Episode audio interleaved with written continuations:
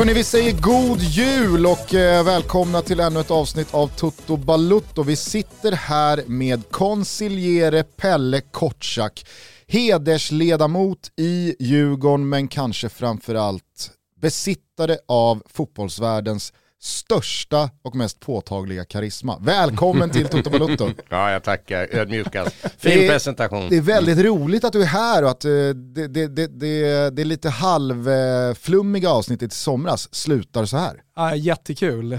Så Det är någonting som vi har sett fram emot också och det, det som är roligt är att många av våra lyssnare har liksom hört av sig. Och inte, så, inte bara djurgårdare, för det kan man ju tänka sig annars, att, eh, för det får vi alltid. Eh, supportrar till eh, specifika lag som vill att vi gör avsnitt med eh, eh, personer som är viktiga för deras klubb. Eh, Men, eh, det är sällan att det är supportrar till andra lag som hör av sig. Men, men så har det varit. Ja, det är vilken ära, vilken ära, jag är nöjd. Mm. Och sen så är det ju såklart eh, ganska många som hör det här som kanske inte har en jättebra bild av vem Pelle Kotschack är, som kanske inte har haft ynnesten som vi två har haft att både träffat dig och eh, framförallt följt dig i den svenska fotbollen som man levt med under hela sitt liv, eh, utan som snarare sitter och undrar, men vem är Pelle Kotschack? Jag eh, har försökt förklara för mig själv vem du är och landat i att du på något sätt förkroppsligar vad Djurgården vill vara och att du parallellt med Djurgården i många decennier också har varit en stor del av eh, Svenska Spel, tidigare Tipstjänst, eh, hand i hand med Lars-Gunnar Björklund under många år i någon slags symbios eh, av vad fotbollen är tillsammans med svenskens fascination att också försöka klura ut den och tippa rätt. Mm, bra analys. Hur låter det? Det låter bra. Ja, jag ska ta en, eh, någon minut om mig själv då. då så Det att kan jag- du väl göra? Gärna. Perfekt. Gärna. Nu är ju vi i studion här på Kungstensgatan och det här är ju egentligen mina kvarter för jag är uppvuxen inne i stan. Född Det 1950. hörs inte. Men jag har skorrande R, jag, jag kunde inte säga R. Så jag fick gå på pratskola i, på Sabbatsbergs sjukhus hos logopeden där. Det är också väldigt det- norditalienskt att ha, Så ska det du är veta. min R. Alltså är det så? Jajamensan, Okej, det är det. Men, eh, och då eh, har jag ju alltid varit idrottsintresserad och eh, att man blev djurgårdare här var inte självklart. Man kunde bli gnagare också. Jag har faktiskt en brorsa som är gnagare. Men, men det var mest djurgårdare. Hammarbyare fanns inte på den tiden här inne. Så jag brukar säga, jag träffade min första Hammarbyare när jag var 17 år. Lite överdrivet men något i den stilen. På en efterfest i Bagarmossen. Ja, exakt. Men då föddes jag här och jag hade ju, liksom, jag var en van, vanlig kille, vanlig supporter. Jag var ju långt ifrån att kunna spela i något Djurgårdslag, ishockey eller fotboll. För de hade typ en per årgång. Och eh, ett lag per årgång. Och, eh, så vi hade kvarterslag. Min farsa hade en radiostation, därför är det kul att sitta i en så kallad radiostudio. Han startade något som heter Radio Nord. Var först, han var eh, radiopirat, så jag brukar säga son of a radio pirate. Och det var jättestort, så han var en megakändis i början på 60-talet. Alltså för de utmanade Sveriges Radio och eh, de, eh, de hittade ett eh, ett hål i lagen så att säga. Så de, och det var att ligga på internationellt vatten och eh, sända från en båt. Och det blev jättestort. But I have a blue, blue, blue, blue Christmas. Farsan var en så kallad playboy. Först eh, krigade han för finnarna och sen eh, flydde han till Sverige efter kriget och sen träffade min morsa. Farsan jobbade med film och det gjorde min, eh, min mors far alltså också. Så han åkte till Hollywood, så jag har ju bild på, det kan vi kanske lägga upp på eh, era. Facebook-sida. Ja, jag har bild på Instagram. farsa, Instagram. Bild på farsa med Malmö och ett grogglas i ena handen och så vidare. Och eh, Brigitte Bardot och så vidare. Så det var farsan. Mm. Så du är uppvuxen i någon slags sus och dus-liv, eller? Ja, det, ja lite. Vi hade, ja, det kan man nog säga. Ja. Men, eh, och så gick ju jag, jag gick i plugget först i Karlssons skola, men sen gick jag i statens normalskola. Och statens normalskola låg mitt emot stadion. Så jag har ju mina minnen då från stadion. Men då i alla fall för att fortsätta mitt. Och så pluggade jag, läste ekonomi på universitetet, skulle söka jobb och det var ett av de första jobben. Och när jag såg, så ska jag säga, när jag såg platsannonsen från Tipstjänst, Lars-Gunnar, min mentor och min chef i alla år, fantastiskt, var som en farsa för mig kan man säga. Han eh, hade flyttat från Göteborg, han var ju stockholmare från början, flyttat från då flyttar han ner till Göteborg, startar Tipsextra, flyttar upp för att han ska bli marknadsdirektör på Tipstjänst som det hette då. Då ska han ha en medhjälpare och då sätter han in en annons och så läser jag den annonsen säger jag till min fru Marie som kallas för Skara. Då säger jag till henne det här jobbet ska jag ha. Det är bara så. Och det här är 1979. 79. Och då blev man ju kallad på intervju. Jag kände inte eh, Lars-Gunnar men eh, eh, min farsa gjorde det, han kände ju alla. Och min brorsa Jan Kortsak som var fotbollsreporter på Aftonbladet. Men eh, i alla fall, men, eh, och då fick jag det jobbet. Och då sa ju många, "Ah, men du sa väl att du var Djurgården, men det gjorde man inte. Sånt känner man liksom vibrationerna, ja det är en Djurgårdsbroder. Men, eh, och då fick jag det jobbet. Och, och det var ju fantastiskt, det var ju hur roligt som helst. Det är ju, alltså, det var, vi hade 40 miljoner i reklambudget 1979, vi skulle införa lott och vi liksom, att det var så bra och han, var, och han skulle ha med mig på allting. Det var så att säga obegränsade ja, förutsättningar ja visst, det var ju helt fantastiskt. dominera. Sen 1981 så ringer eh, valberedningen till Lars-Gunnar Björklund och frågar kan inte du sitta i Djurgårdens fotbollsstyrelse? Säger han till Lars-Gunnar, Sigeberg, valberedning. Och då säger Lars-Gunnar, nej jag, har inte, jag skulle gärna vilja göra det men det passar inte, jag har småbarn hemma och så vidare. Men däremot så har jag en bra aspirant och han heter Pelle Kotschack. Och så ringde Kurt Olsberg, före detta MF-spelare, det var han som ringde till mig då och han satt också i valben. Och då frågade han, vill du sitta i Djurgårdens styrelse? Och då gick jag ner på knä, det kan inte vara sant. ungefär. ja, ja, ja, ja, ja. Och det är 1981. Sen dess har jag suttit i Djurgårdens fotbollsstyrelse. Eh, och jag har förstått det som att eh, du aldrig har arvoderats med en enda krona från All- Djurgården utan nej. allt har varit ideellt Mm. och eh, ja, men, sprunget ur ett bultande Mm. blågul eh, hjärta. Mm, det är helt korrekt. Och eh, vi hade, det, fanns ju, det fanns ju inga pengar. Det fanns ju inga pengar. Och eh, jag har alltid jobbat i det och det är liksom en självklarhet. Och jag, det är en ynnest att få jobba med liksom en klubb som man verkligen brinner för. Och eh, jag har ju, eh, och nu är jag pensionär, jag är 68 år nu, så nu har jag hur mycket tid som helst att jobba för Djurgården. Och, eh, och det är ju fortfarande ideellt självklart. Och det, är- det är en ära och jag älskar det. det mm. Och då undrar man ju såklart, vad är det du gör? Mm, då är det så Det här. är en luddig titel, hedersledamot. Ja, man ska- Ja, men det, är- jag har flera titlar. Jag har flera titlar. Och då är det så här att jag är heder, då var det så här, då var jag i fotbollen, då var jag vald i, fram till 2001-2002. Eh, och, eh, och då säger Bosse Lundqvist, som betytt jättemycket för Djurgårdens IF, det vet ju ni. Det, liksom, det var då allting ändrades när han kom. Eh, och han var ju då ordförande. Då, då säger han eh, till mig att jag vill göra dig till hedersledamot. Så, och då röstar man det på det årsmötet när det var 2001. Och när man är hedersledamot då i, och då är det hedersledamot i fotbollsstyrelsen, då är jag vald på livstid. Så alla kan få kicken i Djurgården utom P kort sagt. Det är så jävla skönt. Men Det finns två formellt sanningar så... i Sverige, kungen kan inte bli åtalad och Pelle Kotscha kan inte lämna Nej, det är en Djurgården. bra analys. Men då var det så här att, eh, men formellt, om man ska vara riktigt formellt, då har jag ingen rösträtt liksom, på styrelsemötena. Och formellt så har jag ingen liksom, de kan säga att du får inte vara med på styrelsemötena för det räcker inte Pelle, om de nu skulle våga säga det. Men sen är det ju också så här, Djurgårdens IF är ju en, förut så var det ju en ensektionsförening precis som AIK med en överstyrelse som egentligen hade den ekonomiska ansvaret men alla sektioner för, eh, skötte sig själva. Det var Djurgårdens IF fotbollssektion. Men då 1991 så blev det en, eh, alla blev sina egna föreningar. Men då är jag också vice ordförande i Allians, Djurgårdens alliansförening. Och vad har vi sköter varumärket, vi godkänner föreningar som vill bli Djurgårdsföreningar och bland annat så har vi nu startat Djurgården Paddel. Ah, Såklart. Alla ska paddla, ja det är klart. Och den som är ordförande där är Lars Gunnars son, Daniel Björklund. Okej, Så nu knyter vi ihop säcken. underbart. Och sen har vi startat Djurgården Cricket också. Men för ni djurgårdare brukar ju alltid prata om hur många SM-guld ni har Mm. Ja. i alla möjliga olika sporter. 459 SM-guld i Ja, 24 exakt. sporter. Snart i paddel också. Mm. Ja, men, ja, men det kommer, det kommer 460 det kommer nog i helgen nu för nu är det SM i boxning. Och där är vi grymma. Där är ni grymma. Feliz Navidad. Feliz Navidad. Próspero año y felicidad. Eh, vi ska försöka att inte bli för blårandiga eh, och ha för mycket Djurgårdskompass eh, det här avsnittet. För du är ju också väldigt mycket svensk fotbollshistoria, allsvensk fotbollshistoria och en budbärare från en tid som flytt. Så jag hoppas att vi kan eh, prata mer övergripande om svensk fotboll och inte bara ha Djurgårdsfokus. Men eh, även fast ni hör det här i juletider så är det när vi spelar in det bara några dagar sedan årets allsvenska gick i mål. Eh, Djurgården eh, fick inte lägga vantarna på den där pokalen återigen utan eh, det blev eh, till slut bara inom citationstecken en tredjeplats. Och när du kom in här på kontoret så sa du att Bosse, han hade jävligt svårt att släppa den där Varbergstorsken. Mm.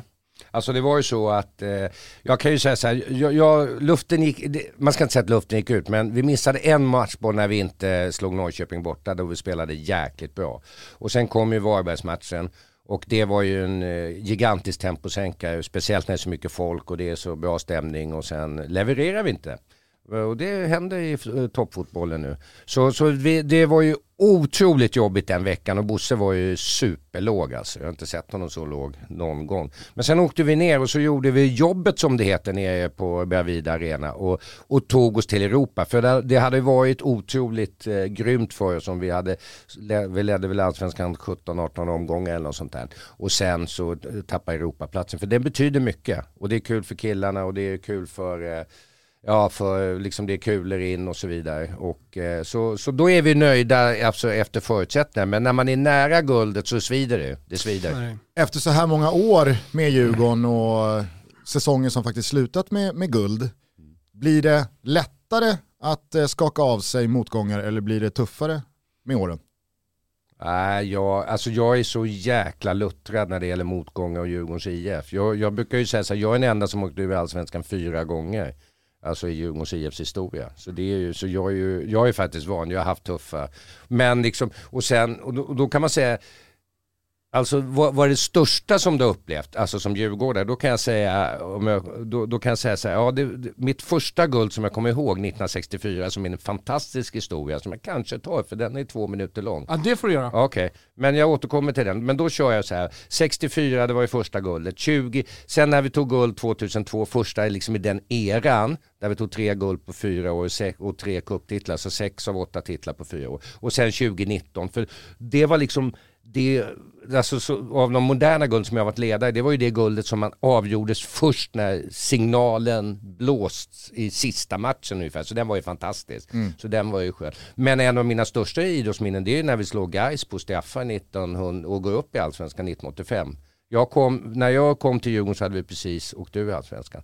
Okej, 1964, luta er tillbaka, det tar två minuter ungefär. Ja, ja, mm, det är bra. Nitt, när det, när det är tre omgångar kvar av allsvenskan, då är Djurgården fem poäng och massor med plusmål efter Norrköping. Okej, och det är två poäng för seger, det vet ni alla på den tiden. Mm. När det är en omgång kvar, då är det två poäng och sex plusmål efter Malmö FF. Två poäng, sex plusmål. Malmö ska möta Norrköping borta och vi ska möta IFK Göteborg hemma på Råsunda. Vi spelar faktiskt de flesta matcherna på Råsunda på den tiden. Mm. Vad är det för Göteborg ni möter då? Ah, Alltså, de är typ, ah, de ligger fyra, femma, men de, de har ingenting att spela för. Och Norrköping har ingenting att spela för där. Så den minsta marginalen, det är att vi vinner med 4-0 eller 4-1, det räcker. Och, eh, och Malmö förlorar med 3-0. När det är en minut kvar av båda matcherna, då ligger Malmö under med 2-0 och vi eh, leder med 3-1. Det fattas ett mål i varje. Och på, på gamla Råsunda så fanns det ett eh, rapporteringssystem med skyltar, det vet en del. Alltså gamla... Match A, match B, match precis. C, match D. Mm, och sen var det en lång balkong, det var ju på norra ståplats, vi stod på södra ståplats. Det var en lång balkong och då ringde vaktmästarna till varandra. För det fanns ingen sportradio. Så det första teoretiska att det har blivit mål, det är att vaktmästaren får telefon. Och det ser hela Råsunda och de hör signalen. Och vaktmästaren är typ sådär 70-80 år gammal, han får telefon, det är en minut kvar. Då finns det ju teoretiskt att det har blivit mål någonstans, ni fattar. 80 år gammal, som skarp. Och sen har han en väggtelefon och så lägger han på eh, luren i klykan och sen har han siffrorna under sig. Nästa teoretiska är att han ska ta fram en trea. Mm, han tar fram en trea och tar den under armen. Då ska han gå till B-matchen och han är vid M-matchen nu. Och då står det typ 2-2 vid G-matchen typ. Det kommer jag inte ihåg riktigt men det är klart. Ja, det är kan två vara en mål. trea till ja, en just, annan Ja exakt. Och alla bara skriker gå till B-matchen. Och då säger en del att han fintade liksom, det kommer inte jag ihåg. Liksom att han stannar till typ i den där 2-2 matchen. Han är medveten så om att alla ser honom. Ja, alltså skriker alla nej, det blir... och så fortsätter han att gå. Men det, det kan vara en efterkonstruktion. Men så går han i alla fall till B-matchen, Ta bort eh, tvåan, hänga upp trean och då är det typ en minut kvar. Då har vi ett anfall kvar och då är det exakt lika. Vi är liksom exakt lika. Vi har 41, alltså samma målskillnad på antal och allting. Men då skulle Malmö vinna för de är bättre inbördes möten. Och då kommer Leffe Eriksson, en känd Djurgårdsprofil och en landslagsspelare senare. Och han blir fälld typ en meter utanför straffområdet. Jag erkänner det. Och domaren Evert Mårtensson, Landskrona, pekar på straffpunkten. Ja, Juventus-straff. Mm, ja. Fram kliver Sump-Hugo, som han kallas för, Bernt Andersson. Mm. Han var från Sumpan, det är därför. Och, hans, och det är hans första straff någonsin. Det var en annan, Challe Mild, som skulle, egentligen skulle ta, men han fegar ur och sätter straffen. Allt till slut, jag stormar planen, tio år gammal och hoppar upp i knivens famn, Gösta Knivsta Sandberg. Det, det är ju ingenting som slår Det det. var pitchning även på den tiden. Ja. Så det, det är det stora. Och varje gång vi har otur, för jag tycker alltid vi har otur, tycker man ju så här som, ja fan domaren emot oss. Då tänker jag på den. Det där är ju verkligen en, en tavla över en bättre tid. Pre-internet och resultatappar, pre-VAR. När allting var liksom, eh, men så jäkla analogt det bara kunde vara. Underbart, underbart. Vi är som alltid sponsrade av Simor och eh, det här avsnittet är ju inte bara en enda lång god julhälsning utan också en påminnelse om att på juldagen i övermorgon på lördag, ja men då kan vi liksom landa i julen med den 43 Beck-filmen i ordningen. Det är fyra nya filmer inspelade och den första av dessa har premiär på lördag den 25 december, juldagen mer bestämt och den heter Ett nytt liv. Det har snackats rejält här senaste tiden om att Walter Skarsgård kliver in i handlingarna här nu som Becks son som kanske ska ta över vad det lider, plocka upp facklan, manteln, you name it och bli nästa generations Martin Beck. Vi får väl se vad som händer. Det vi i alla fall vet är alltså att Ett nytt liv har premiär på juldagen. Jag och Thomas som de stora, enorma Beck-fantaster vi är kommer givetvis inte missa detta. När ni har kollat klart på Beck, ja men då finns det hur mycket som helst på Simor att förkovra sig i innan fotbollen är tillbaka runt nyår, dagarna strax därefter från både Italien och Spanien. Eh, vi båda älskar serien Cacciatore till exempel som handlar om eh, maffian på Sicilien så att eh, det är ett tips från oss. Där finns också mängder med dokumentärer och andra härliga serier. Såg eh, här eh, i dagarna att det finns en ny eh, doku om eh, Freddie Mercury. Den kommer man såklart sätta tänderna i här under mellandagsledigheten. Men återigen, missa för guds skull inte här nu Beck som har premiär på juldagen. Ett nytt liv. Vi säger stort tack till Simor som är med och möjliggör Toto Balotto. Vi är sponsrade av Nike och ni har väl inte missat att det är stor, fet julrea. Vi pratar alltså upp till 50% på hemsidan endast för Nike-medlemmar. Vi har en egen unik länk via våra sociala medier, så dels på totobaloto.se men även Instagram och Twitter. Den är giltig mellan den 23 december klockan 02.00, ja, faktiskt för de som är vakna, och den 6 januari klockan 09.00. Spana in eh, Nikes julrea, shoppa på alla era favoriter, för jag vet att många där ute som lyssnar på det här har en en massa Nike-favoriter. Använd som sagt vår eh, unika länk som ligger på våra sociala medier och hoppa på reatåget från den 23 december alltså till den 6 januari. Upp till 50% på hemsidan för Nike-medlemmar, så se till att bli medlemmar. Vi säger stort tack till Nike som är med och möjliggör Toto Balotto. Ingen jul utan lite spel, eller vad säger ni? Ja, vissa håller säkerligen med mig eh, med tanke på att det är Boxing Day, det är trav och det är en massa roligt. Finns ju inget bättre än att kamma hem en vinst under julhelgen. Ni som lyssnar på detta, tänk på att ni måste vara 18 år om ni ska spela och att stödlinjen.se finns om man har problem med spel. Hur som helst, viktiga budskap då inför. Jag pratade om trav. Eh, för er som eh, lyssnar på torsdagen eh, så tipsar vi om Travtoto ikväll. Och ni vet ju hur framgångsrika vi har varit tidigare eh, i just Travtoto. Det kan ju vara en fin liten julklapp så här dagen före dagen. Eh, men inte nog med det. På annandagen kommer jag, Dick Axelsson, Christian Eklund och Kim Wirsén streama när vi kör avslutningen på Pokertutto.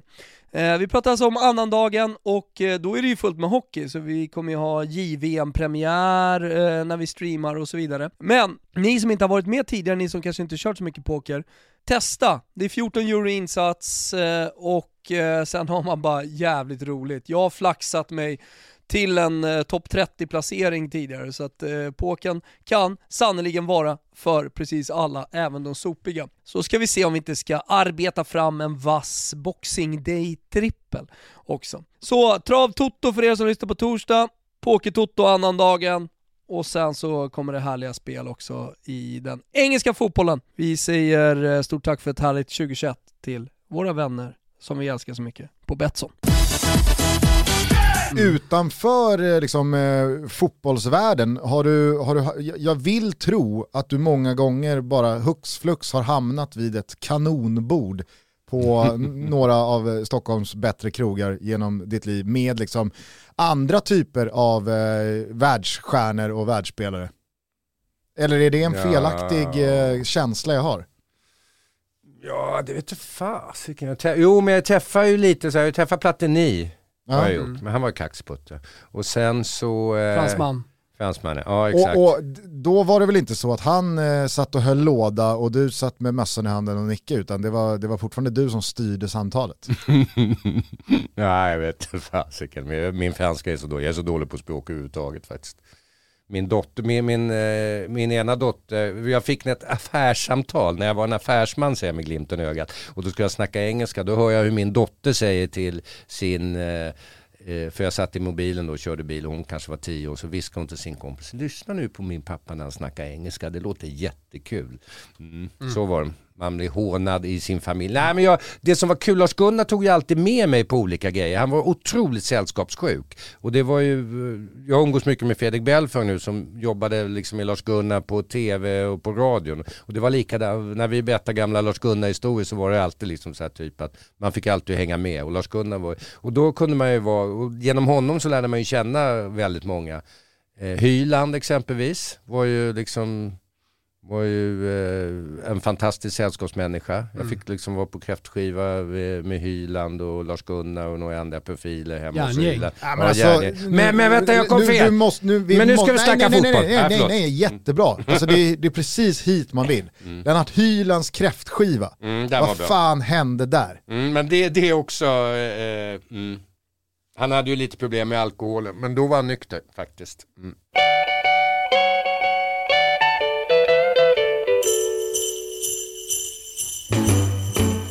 Men om vi bara ska återkoppla till det jag och Thomas pratade om eh, lite fristilsaktigt i, i somras. Då landade ju vi i att vi var jävligt imponerade över hur rätt Djurgården har hittat i sin inställning till allsvenskan, det professionella men också att det finns, inte, inte något oprofessionellt, men att det också finns en man tar sig inte på allt för stort allvar. Det är allsvenskan, vi är Djurgården. Det är också kul med fotboll, vi ska inte tävla med Real Madrid om en Champions League-buckla. Utan om vi har vunnit en bra match i toppen av allsvenskan, då ska väl vi kunna gå ut och ta några bärs på Sturehof och, och, och, och vara glada eh, över, över att livet är Ja, ganska men så här, fint. kostymen är inte för stor, utan den sitter ganska bra. Mm. Ja men det var jättebra i det avsnittet då när ni, eh, liksom när ni sa det, liksom att ni ty tyckte så mycket om liksom Djurgårdsstilen eller vad vi nu ska kalla det för. För Henke och Bosse är ju fantastiska. Och, eh, och jag är ju extra stolt för det för jag tog ju Henke till Djurgården första gången. Och, eh, så det är klart jag är stolt över det. För, och det brukar han ju säga när han presenterar sig själv då också. För Henke och jag, jag kände Henke, när jag jobbade på Svenska Spel, då jobbade Henke på Finansdepartementet och vi löd under Finansdepartementet så vi hade lite med varandra att göra. Så det var så jag lärde känna Henke. Och de är fantastiska, alltså Henke och Bosse är så bra. Alltså, det, alltså den eh, Och då pratar vi alltså om eh, Henrik Berggren Ja just det, och eh, Henrik Bosse Andersson. och Bosse Andersson. Det är ju liksom ett radarpar som betyder jättemycket. Sen har vi ju en kanonstyrelse och allting. Så nu, alltså, alltså allting är på plats. Och, och jag har ju liksom genom åren så har jag tyckt, vi har varit liksom dåliga på eh, sponsring, vi var dåliga på att marknadsföra oss för det. Vi hade ju inga anställda. Det var ju liksom jag som fick ju dra in sponsorer och jag hade ju liksom ett hederligt arbete höll jag på att säga.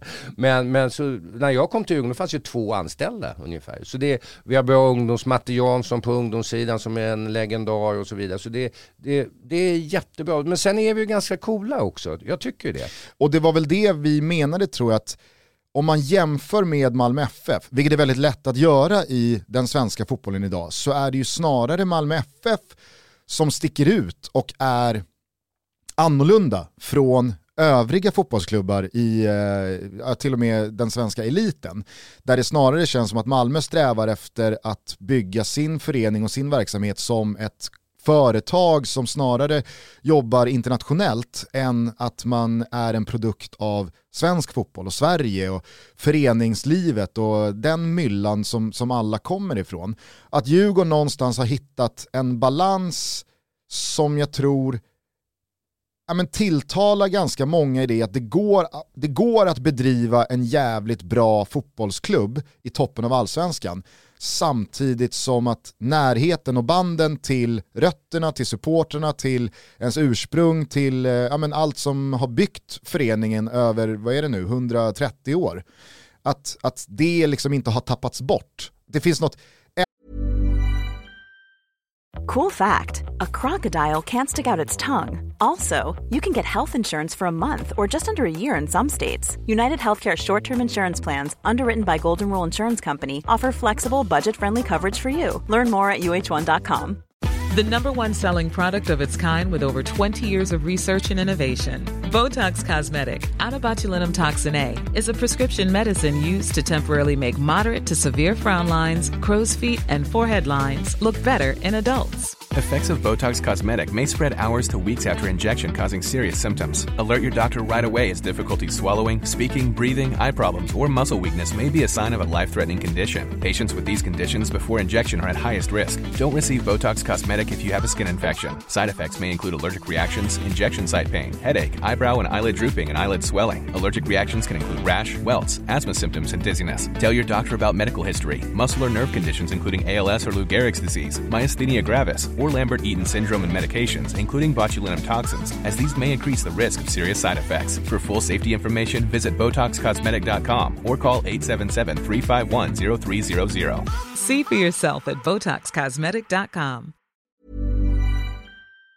Även fast man inte är djurgårdare, herregud jag är inte djurgårdare, men jag kan ändå känna, jag, jag, jag kan bli glad över att se dig, Bosse, Henke Berggren och Djurgårdsgänget tumla in på Brillo eller Sturehof. Och det är liksom så här, vi, vi piskade på Mjällby idag, härligt boys. Alltså det, det, det är, sen, sen ska det det, är sägas i samma, liksom i samma mening så. ska det bara sägas att här, Malmö har ju också sin historia, det finns en anledning till att de är där de är också, att de driver sin klubb som de är och också Självklart. närhet liksom till regionen och så vidare. Eh, Men det finns ju någonting som går förlorat i förhållningssättet Malmö FF har tagit gentemot svensk fotboll, gentemot media, gentemot supportrar. Alltså, Absolut, men sen samtidigt så gör ju de någonting även med Djurgården. Att sen när, när de tar kliv mot Europa, blickar ut över Europa, då vill ju ni vill ju inte släppa dem. Ni vill ju Nej. också följa med alltså rent sportsligt och hitta vägar för att kunna utmana så, så att det sporrar ju de andra klubbarna också. Jag menar bara att det, det är en del av näringskedjan. Malmö. FF har också sin del i att Djurgården kanske är som de, eller att, att ni har er strategi som ni jobbar efter och så vidare. För att om, om alla skulle vara likadana, då, då blir det en ganska tråkig allsvenskan i slutändan, tycker jag. Ja, ja, definitivt. Och det var det jag skulle landa i, att om Malmö FF nu, eller om, man behöver inte lägga till något om, Malmö FF är ju loket som driver svensk fotboll framåt. Och så, så är det ju, det, det, det råder ju inga tvivel om det sett till det senaste decenniet. Eh, och, och jag, Jag, har menar en- när jag de har höjer ribban, Jag har den största de respekten höja för. Malmö FF och i slutet av dagen så handlar väl ändå elitfotboll om resultat och att vinna saker och att gå framåt och där är ju Malmö överlägset bäst i klassen. Men, förstår du vad jag menar i att det finns saker i Malmös verksamhet som om man ska kanske tävla med dem på riktigt och närma sig dem så mycket man bara kan, så kanske man också behöver göra avkall på vissa saker som har varit en del av den svenska fotbollen och en förening som Djurgården som kanske inte hade varit så jävla kul att göra avkall på.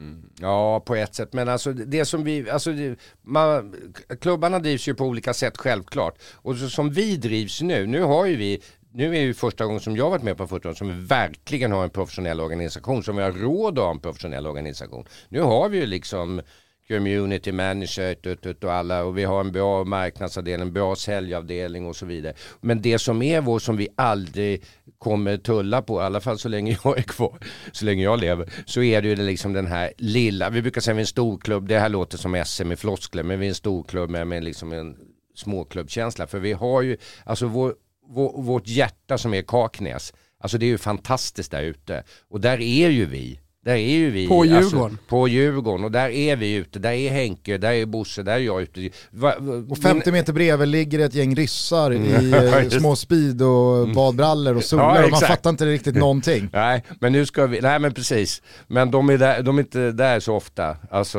för lyssnare kan vi säga att Gusten menar handelsflottan som ligger bredvid oss. Som vi, men vi har två fotbollsplaner där vilket är jätteviktigt. Det finns ju alltså föreningar som bara har jättefina klubbstugor men de har bara en fotbollsplan. Och det funkar inte. Vi har två fotbollsplaner, mm, Bayern ja, som, eh, eh, som, är jätte, som är jättebra och vi har en grym sammanhållning här ute. Och det är ju, alltså min, men hur, mina kom, om det finns kom, om jag har nu någon kompis som inte är så intresserad av fotboll, men vad får du ut av det här? Jo men det är, det är ju fantastiskt, det är ju en ynnest att få gå dit och sitta och fika och liksom vara med, vara med gubbarna och liksom, och, och liksom, ja, och på något sätt. Och det kommer vi aldrig tulla på. Och Bosse är ju helt speciell och det märker man ju Alltså i fotbollssverige, jag ska säga i fotbollssverige på svensk elitfotbollnivå. Det finns ju liksom två, tre personer kan jag säga ute i klubbarna som verkligen kan svensk fotboll och som de andra klubbarna lyssnar på. Henke är ju en av de personerna för han är ju grymt bra och han har ju kollen. Det märker man ju när man pratar med andra, Ja, att han har stor, många har stor respekt De- för honom. Och,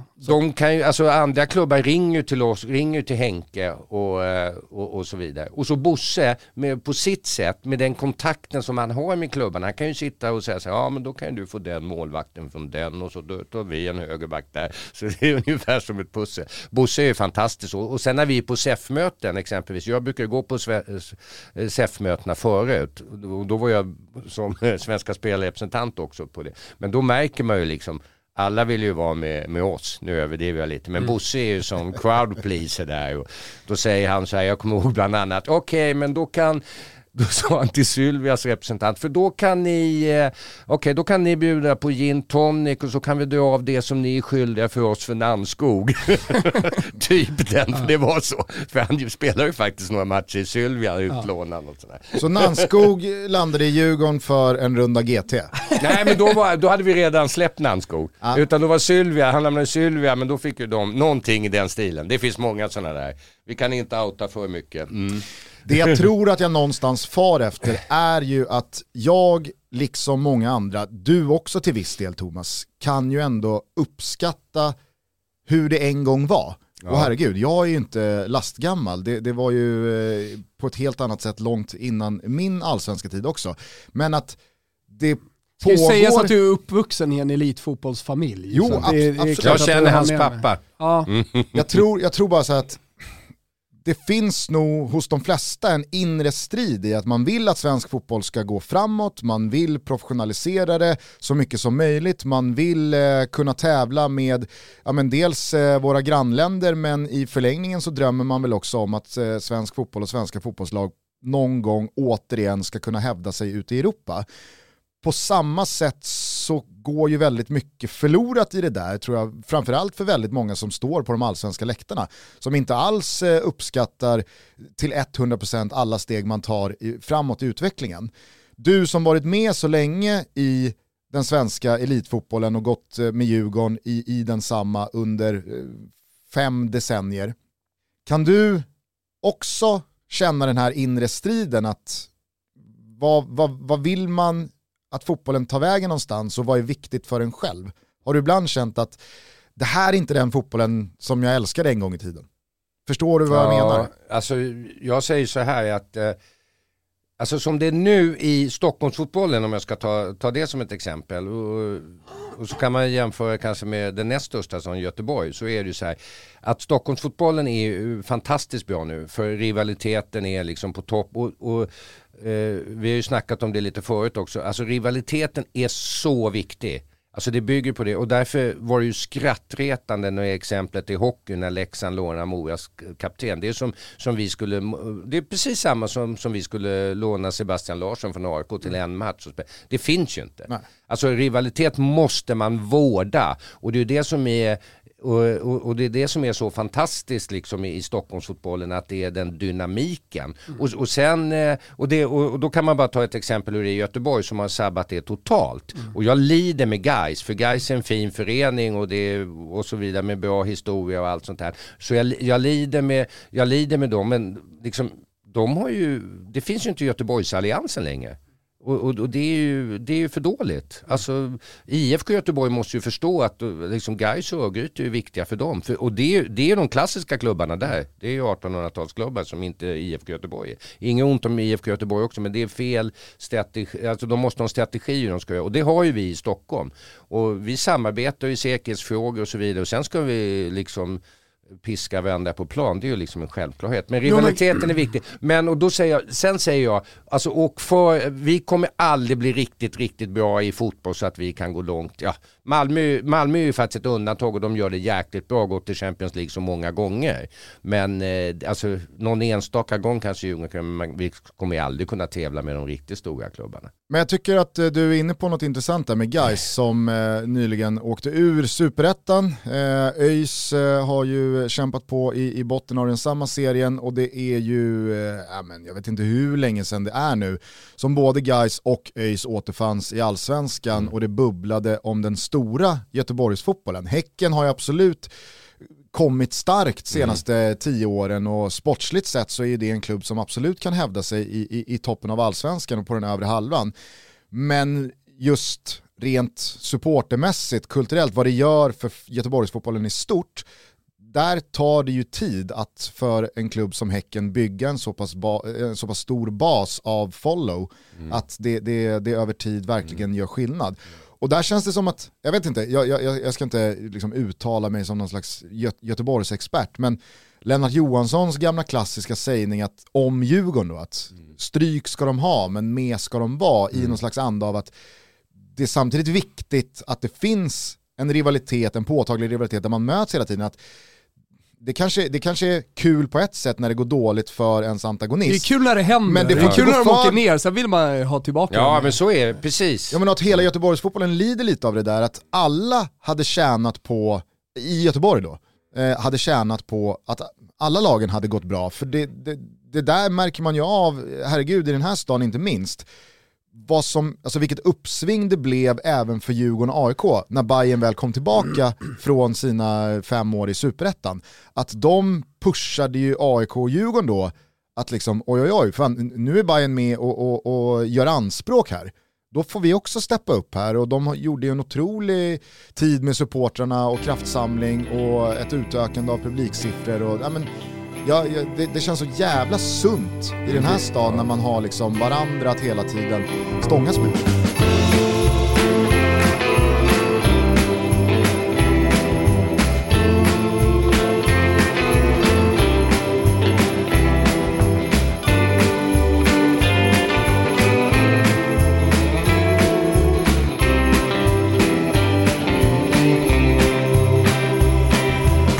Men nu vill jag ta lite historia då, just med, mellan Stockholm och Göteborg, för det är en bra övergång va? Ja, Då tar jag över. Verkligen, det är underbart. Jag bara, Ja. jag tar mig tillbaka. Men då är det ju så här att Stockholm och Göteborg var ju verkliga antagonister när det gällde, alltså när det började, när fotbollen började. Alltså det var ju då, de första SM var ju, alltså fram till, från 1896 till 1924 så var det bara, eh, så var det, avgjordes SM i kuppform. Och, eh, och då var det liksom, det var ju bara Stockholm och Göteborgs lag som vann hela tiden. Utom sista året för då var det lite konstigt. Men i alla fall. Och den värsta antagonisten för oss var ju Örgryte IS och de hade de värsta supportrarna. Sandvi här läste jag förra veckan när jag satt och bläddrade i Kungliga biblioteket i gamla tidningar. Jag har blivit riktigt nördig.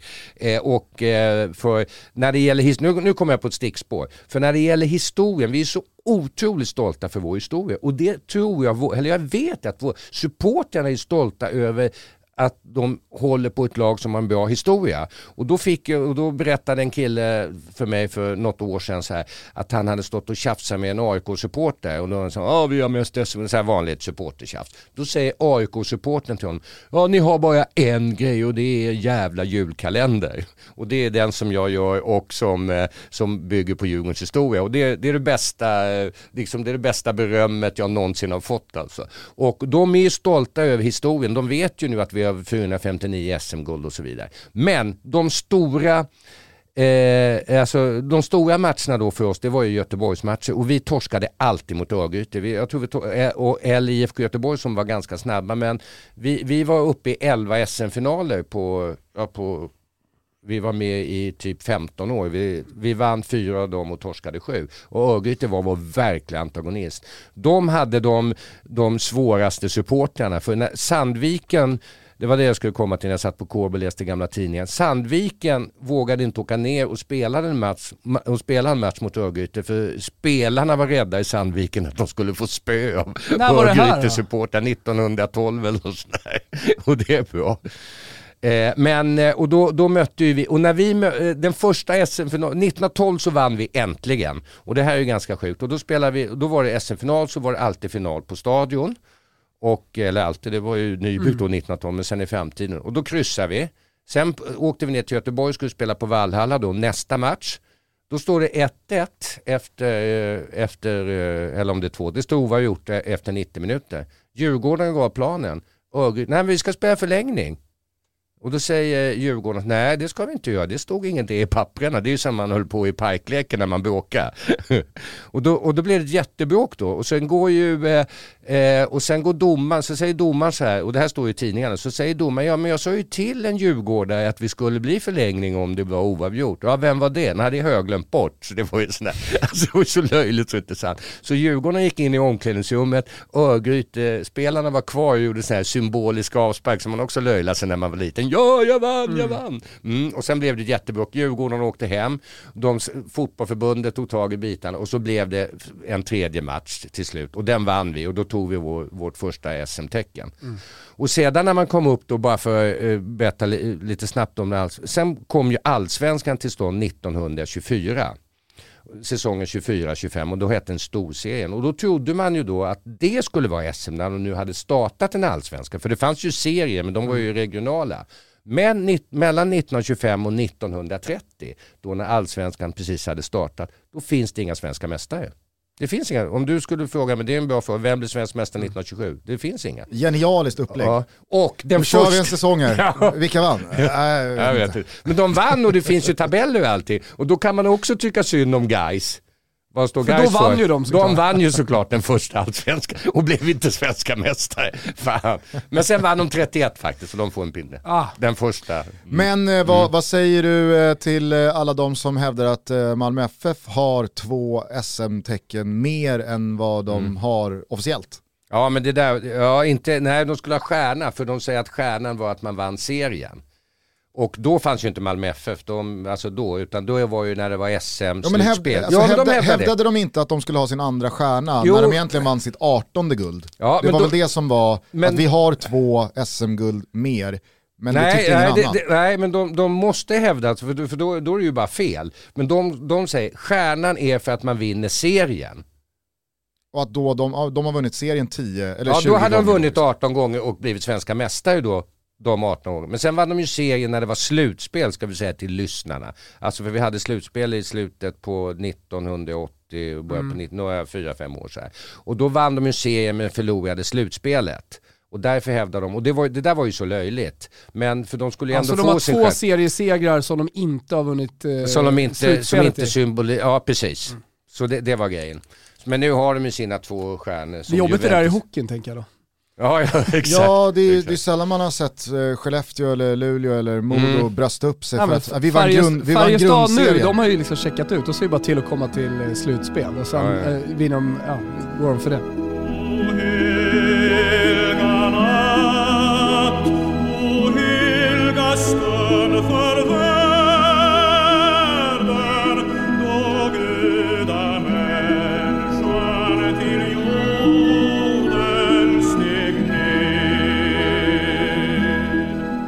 Ner. Thomas eh, har ju en käpphäst att eh, han tycker ju, eh, med, med, med rätta, många gånger håller jag med honom, att vi är för dåliga på att veta vår egen historia.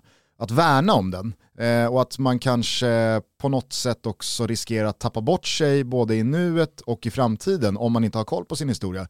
Hur upplever du att gemene man idag kan sin eh, svenska fotbollshistoria?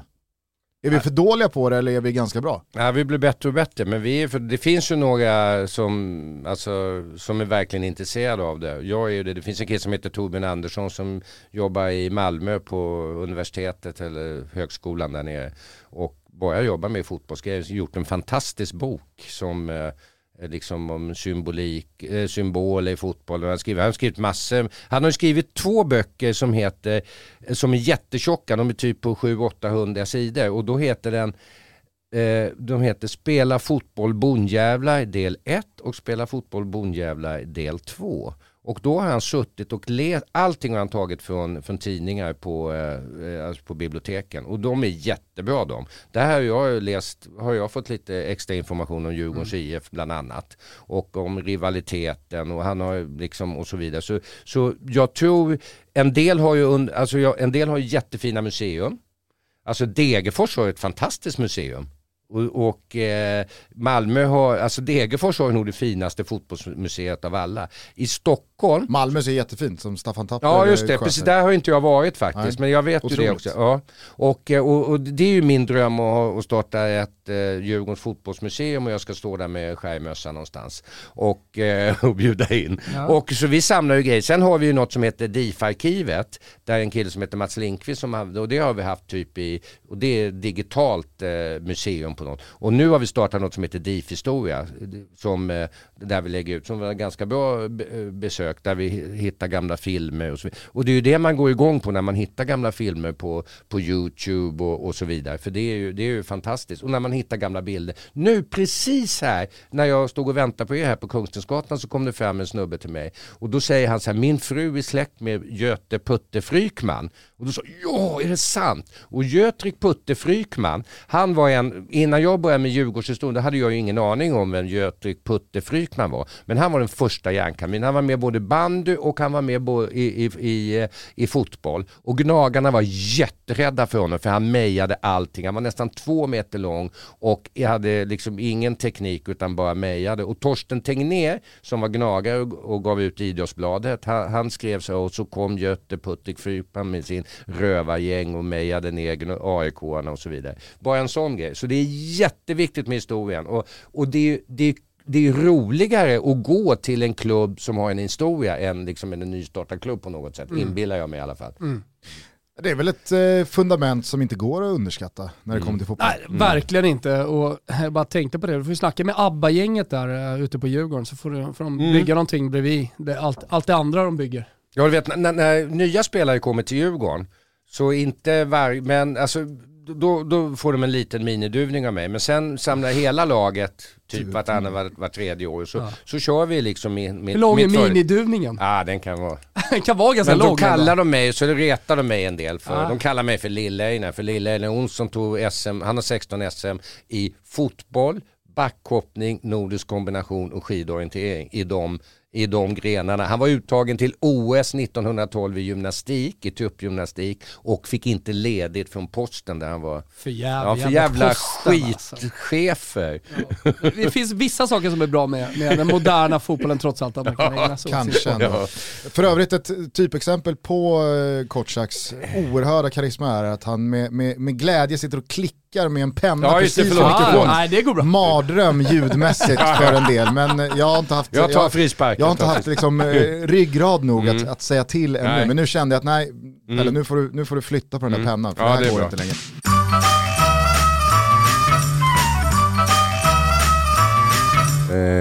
Eh, kungen har jag träffat. Vad gjorde ni? Vi hälsade på varandra, sen var han med. Jag vaktade, den gamle kungen, den gamle kungen kan jag säga. För när jag gick högvakten, då kommer den gamla kungen. Och då går man upp i enskild ställning och så säger man så här. Jag post nummer fem som jag hade, jag bevakar norra slottsvalvet, slottets norra fasad samt de stora uppfarterna i Lejonbacken. Finns också med i en julkalender, men det är en annan grej. Så, eh, och, men då kommer den gamla kungen upp eh, för Lejonbacken och så han har, hela sitt liv har det varit folk som har, liksom har det varit soldater som har ställt sig då i vakt när han kommer. Då sitter han, så, vi, så tittar han på mig och tar av sig hatten och hälsar. Det är klass alltså. När jag var en enkel furir, en enkel soldat. Så, Ja, det är så det är faktiskt, vi brukar köra sådana här pinne på kändismärken och claim to fame och så vidare. Så det är nog den eh, bästa tror jag. Stör det dig att eh, kungafamiljen är AIK-are? Nej men det vet vi inte om de är.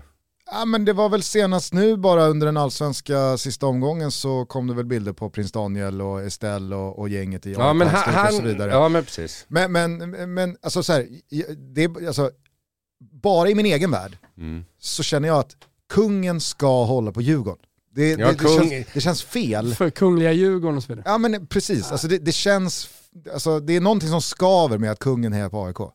Eh, ja, ja, men, eh, ja, ja, men de, alltså, det, det är en bra analys och det finns gnagare som, ja, men det finns gnagare som retar mig, bland annat en kille som heter Micke Friberg som är en väldigt rolig. Han körde ju alltid med så här att ja men det är en aik som äger Djurgården. Liksom, det var ju hans grej då mot oss. Men, men jag har ju grävt lite också i min julkalender. Liksom, vad är, vad är, vi, vi har ju en bild på eh, eh, Carl Philip. Han, han är ju den som bor närmast Kaknäs av alla. För han bor ju där i prins Bertils gamla hus då vid Djurgårdsbrons Djurgårdsbrunns värdshus. Så han, det är ju hans liksom nästgårds ju. Och han var ju spelade en, eh, en match i Djurgårdströja på Kaknäs som eh, Jonas Olsson hade fixat en sån här välgörenhetsfight. Så honom har vi som djurgårdare. Om det nu är viktigt. Men det finns ju, vi har ju Gustav V var ju mycket på Djurgårdsmatcher. Nu är vi alltså 1910-talet alltså. Ah, Men för Skitsamma. att svara på min fråga då, det, det, det stör mig inte. det stör dig inte. Nej, då han kan få hålla på lag. Men kungen gick ut och sa egentligen är jag djurgårdare, sa ju han i tidningen Barometern. Och då skrev vi in honom i Djurgården. Klassiska Kalmar-tidningen Barometern. Ja, Barometern Vem, vem, har kommit är, det- du vet det är Dick, Dick Axelssons, eh, vem, Mm. är det som, vem är det som styr i svensk hockey? Vem som bestämmer i svensk hockey? Där är ju, vem är det som bestämmer Barometern egentligen? Det är ju Henrik Rydström. Så är det. Så är det. Ja. Nej men på samma sätt som att det, det, Ingenting passerar Henrik Rydström. Mm. Nej. det, det skaver att eh, kungen och kungafamiljen eh, hejar på AIK. På samma sätt skaver det ju att Lars Ohly och eh, Tåström är djurgårdare. Nej, jag förstår vad du menar. Jag förstår vad du menar. Ja, men Reinfeldt är, det, är- det, är ju, det är ju match med, alltså Ja, det är, det är match som hand i Ja, handsken att Reinfeldt eh, hejar på Djurgården. Det. Men, men också. Lars Ohly och Tåström, Ja, det, Thåström ska vara Bajen och... Ja, men det, Ja, men Ygeman är ju Ygeman också, idrottsministern. Han har jobbat i Djurgården, han har varit speaker på dammatcherna. Så det är ju inte vem som helst. det, eh, du nämnde ordet här, vad är en järnkamin? Ja, en järn, järnkaminerna kom ju då till Djurgården. Alltså ju, det är också lite historia då. då. Då är det så här att Djurgården var ju skitbra fram till 1925. Sen fick inte, med, fick inte vi vara med första allsvenskan. Och för vi var för dåliga i någon serie här. Utan det var två Stockholmslag, AIK och Västermalm. Och Västermalm, AIK höll på att åka ur och Västermalm höll på att klara sig kvar. Så den andra allsvenskan hade kunnat bestått av ett Stockholmslag och det var Västermalm. Det var, men Djurgården var skitdåliga på 30-talet, på 40-talet. På 30-talet spelade vi i division 3. Vi kvalade upp, vi skulle kvala till division 2 och mötte Skärgården från Söderhamn. Vinner 3-1 borta. Kommer 10 000 åskådare till stadion, det är ganska bra i en division 3-kval. Torska 5-1 mot Skärgården, blir kvar i division 3. Så vi hade jättetufft. Sen då kommer vi, eh, sen kommer Hasse Jeppsson, som om- vi har tid kan vi snacka lite mer om honom. Eh, men sen börjar A lot can happen in the next three years. Like a chatbot may be your new best friend. But what won't change? Needing health insurance. United Healthcare Tri Term Medical Plans are available for these changing times. Underwritten by Golden Rule Insurance Company, they offer budget friendly, flexible coverage for people who are in between jobs or missed open enrollment. The plans last nearly three years in some states, with access to a nationwide network of doctors and hospitals. So, for whatever tomorrow brings, United Healthcare Tri Term Medical Plans may be for you. Learn more at uh1.com. Subtle results, still you, but with fewer lines. Botox Cosmetic, out of botulinum toxin A, is a prescription medicine used to temporarily make moderate to severe frown lines, crow's feet, and forehead lines look better in adults. Effects of Botox Cosmetic may spread hours to weeks after injection, causing serious symptoms. Alert your doctor right away as difficulty swallowing, speaking, breathing, eye problems, or muscle weakness may be a sign of a life threatening condition. Patients with these conditions before injection are at highest risk. Don't receive Botox Cosmetic if you have a skin infection. Side effects may include allergic reactions, injection site pain, headache, eyebrow and eyelid drooping, and eyelid swelling. Allergic reactions can include rash, welts, asthma symptoms, and dizziness. Tell your doctor about medical history, muscle or nerve conditions including ALS or Lou Gehrig's disease, myasthenia gravis, or Lambert-Eaton syndrome and medications, including botulinum toxins, as these may increase the risk of serious side effects. For full safety information, visit BotoxCosmetic.com or call 877-351-0300. See for yourself at BotoxCosmetic.com. hade, så hade vi en tränare som hette Frank So som var engelsk-kines. Eh, Kalla, st- står det i tidningar, jag vet inte om man Frank får säga så. So. Frank So. Mm. Och han var Varför engelsk... skulle man inte få säga Nej, jag att han vet var. Jag- engelsk-kines? Nej jag vet inte varför jag vet. Nej, jag vet 2021. Inte. Nej, jag tar Jag är tillbaka. intresserad- men- ja, jag tar tillbaka. Tassa på tå här. Ja, jag undrar, undrar hur han kom till Djurgården. Det är Jo, alltså, var, har, var har vi hamnat när Nej, man jag känner vet. en instinktiv osäkerhet? Ja. Jag Får tänkte, sa jag får man säga att han är engelsk-kines? Du vet när man läser de här gamla OS-böckerna och så vidare, vad, vad de kallar Pelle för. rök, han är cancellad efter att ha sagt att Frank. So var engelsk-kines. Ja, jag fick faktiskt ett brev, av, han har en foundation nu, foundation, det låter som något sånt, men det heter väl det också när man hör Foundation. Foundation, mm, som, eh, som, som vi ska kanske ge lite pengar till. Men i alla fall, han, han, var, han tränade Djurgårdarna jättehårt. Och, och vi var tuffa, vi hade sådana spelare som Kniven och Sigge Parling och så vidare. Och då var det någon journalist som skrev att vi var som järnkaminer. Så vi vet inte exakt vad ordet är. Men det var på 50-talet när vi vann vårt först, när vi vann allsvenskan för första gången. Inte vårt första SM utan vi vann, och det var 1955. Då tog vi det double. Vi vann både ishockey och fotboll samma Men, år. men jag, ska Bra jag, ska, jag ska Mm. säga det, alltså just så här, epitet på olika saker. Eh, Mm. inte, i, fotbollshistorien har ju ofta kommit från att en journalist har skrivit någonting. Alltså ta Mm. Il Derby d'Italia till exempel, Mm. i, i, i det italienska derbyt mellan Juventus och Inter. Mm. Det var ju också Eh, det fanns en rivalitet, det var två klubbar som slogs mot varandra Mm. och då var det någon journalist, en journalist som, som skrev eh, ja, det här är Il Derby d'Italia, hela Italiens derby. Och, Och, och så blev det det och det epitetet, det namnet på matchen är fortfarande kvar idag.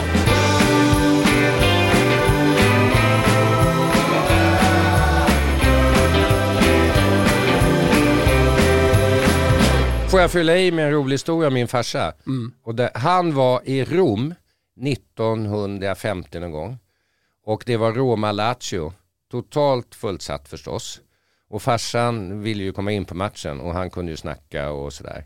Och så tänkte jag, hur ska jag komma in på matchen?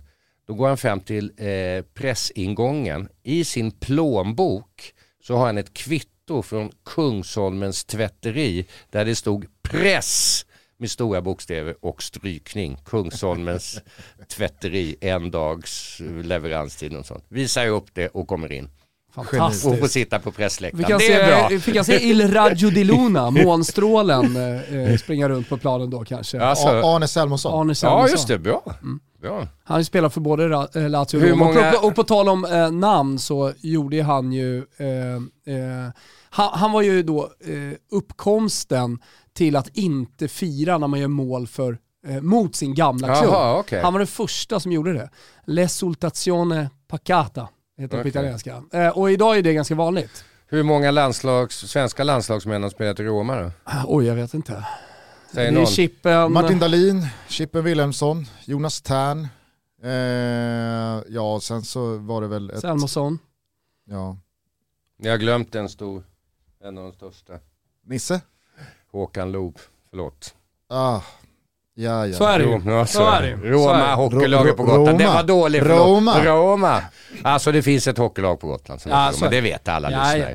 Men du, eh, om vi bara ska ta den saken. Alltså, nu pratar ju Thomas om en spelare som gjorde en förbjuden övergång eh, mellan då Roma och Lazio. Eh, den var väl kanske lite mindre förbjuden då eh, än, än senare.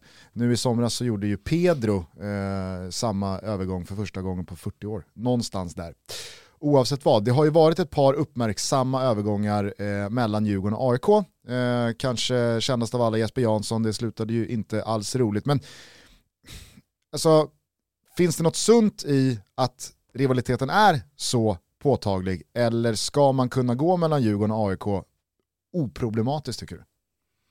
Nej, inte oproblematiskt tycker jag väl. Men eh, alltså rivaliteten är ju jätteviktig. Det har vi snackat om. Mm. Men eh, eh, ja, men alltså om båda...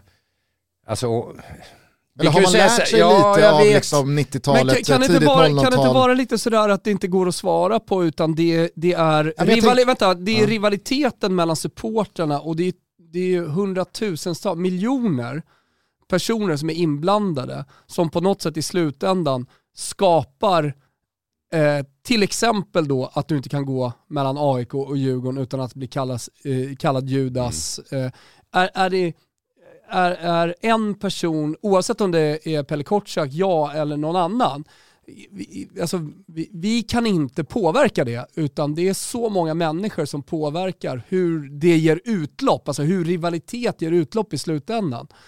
Konkret. Jag kan Alltså, tycka jag, liksom. ja, alltså jag, det är svårt. Jag, jag kan säga en övergång som var okej, det var ju Jocke Sjöström, målvakten. Och nu är vi i början på 90-talet då. Och eh, vi hade två bra målvakter, Anders Almgren och Jocke som var likvärdiga. AIK hade bara T-sila som man säger, eller till och med durkslag. Alltså de hade ingen målvakt. Utan, och då gick Jocke till AIK. Och, de, och den var ju, alltså det var ju 90-tal och det var ju ingen som sa någonting om det då. För det var ju Alltså, och särskilt just på målvaktssidan när man, det är tråkigt om man inte får, då konkurrerar bara med en och så vidare.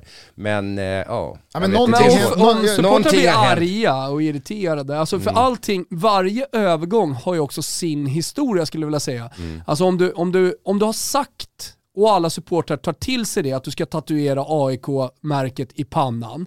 Har du sagt det en gång, supportrarna har gått igång på det, älskat den spelaren, kanske lite mer Mm. än alla andra spelare i laget, då kan du inte göra den förbjudna övergången. Nej. Förstår du vad jag menar? Att Nej. varje övergång har sin historia också. Sjöström, eh, hette han så? Mm. Jocke Sjöström, Ja, Jocke Sjöström. Mm. Mm. Köper det. Han hade inte tatuerat eh, någonting eller sagt eh, och det sportsligt funkade just Ja, där och då. Ja, Nebbo gick ju från... Exakt, det var det jag skulle komma till. Att någonting hände ju med Jesper Jansson-övergången, men ser man till den tidsperioden, alltså mitten 90-tal, eh, slutet 90-tal, tidigt 00-tal, så, så går det ju att rabbla upp ganska många högprofilerade spelare som har figurerat i båda klubbarna och vissa av dem gått eh, rakt emellan. Nebojsa Novakovic, Charbel Toma, Andreas Johansson har varit tillbaka. Alltså, men, men sen upplevde jag att någonting förändrades för att senaste 20 åren så är det ju ganska eh, lätträknat spelarna som har gått från Djurgården till AIK eller från AIK till Djurgården. Kennedy Igboananike var väl en av de Ja, senaste, han, eller han, han, han- hade en eh, adress han hade, emellan. Ja, han hade i alla fall två adresser Ja men precis, så Ja. den där övergången görs inte rakt längre. Nej. Samtidigt så har det ju varit ett Djurgården här senaste åren som är väldigt AIK-präglade. Dels med Kim och Tolle, du har Bosse, du har Magnus Eriksson, alltså flera spelare, Kevin Walker och, och så vidare. Hur, hur har du sett på, på den delen av Djurgården av idag, att det finns väldigt många med AIK-historik? Är det, ja, hur, hur ser du på den? Kan inte kommentera det. Nej jag skojar bara. Nej men det, alltså, det är inget som man, jag tänker ju inte på det. Men när man går, det, det, det, finns ju någonting om du går direkt från klubb till klubb. Alltså på något sätt så är du borta ett tag så är, är det liksom mildare på no, eller hur jag nu ska uttrycka det. Och, eh, och eh, liksom Kim och Tolle är ju, eh, jag tänker inte på det ens alltså. Och, eh, så, så det är ju, och på ledarsidan är det lite annorlunda. Men det var ju alltså när, när Stefan Söderberg gick från Djurgården till AIK. Det var för dåligt alltså. Så är det ju bara. Ja men det... det Hatten ska ha skit. ja. Nej, det är Kim och Tolle är- och Boss, det är väl lugnt. Ja, Nej, men jag tänker alltså, Mm. för, för, för, Lillhatten skulle aldrig göra den Nej men det där, alltså, jag vet inte hur mycket du eh, hänger på, på Twitter och, och sociala medier, men det där är ju en, en liksom, stor del av Mm. vad djurgårdare får pikar eh, kring från Mm. i synnerhet AIK-håll. Att det är så många liksom, tidigare AIK-are i Djurgården och det är Men det, det där är ju också en del, en del i det. Jag, jag eh, fick eh, senast i lördags kväll en bild på en gammal intervju och den har ju figurerat på sociala medier också där Heno Goitom eh, säger att hans favoritlag är Djurgården. Mm. Alltså, det, det, det, är du uppvuxen i Stockholm så, så får du ju ofta Mm. ett lag. Gusten är ett undantag. Men, men eh, sen kan ju den ändras. Så Dick Axelsson som jag sitter och gör hockeyn med, alltså sådär, han är också AIK i, i grunden och Ja, är nog alltså- kanske djurgårdare. Sen Men- måste man väl kunna göra skillnad på någon som i tidig ålder har sagt att jag hejar på det här laget och någon som har spelat kanske 8, 10, 12 säsonger Och någon som i har sagt att de ska klubbens- tatuera klubbmärket i pannan. Exakt. Och, och jag Det men- tror jag ingen skulle säga idag för övrigt. Ja det är nog tveko. Nej, men jag menar bara att, alltså, rätta mig om jag har fel, men både Kim Bergstrand, Thomas Lagerlöf och Bosse Andersson gick väl eh, varvet runt Råsunda när den skulle rivas som gamla AIK-hjältar. Ja eh, det vet jag faktiskt. Jo för de Ja, men de- samlade ihop någonting. Då. Precis, ja, det var ju ja. 500, alltså det var ju hela, hela, hela gänget var fan där när eh, Råsunda skulle gå i graven. Eh, och att tre, alltså de, de kanske tre tyngsta sportsligt ansvariga rollerna i Djurgården eh, besitts av personer med en väldigt tydlig AIK-koppling. Alltså jag, jag kan på ett sätt gilla att det är så för att det också visar att vi har en sund rivalitet snarare än att det är no-go zone. Men jag kan samtidigt verkligen förstå det problematiska i det. Va, va, hur ser du på det? Ja men det är ju, ja, alltså ja, jag vet inte hur jag ska säga. Alltså jag kan ju säga om, om Bosse då, om vi ska kommentera honom liksom det.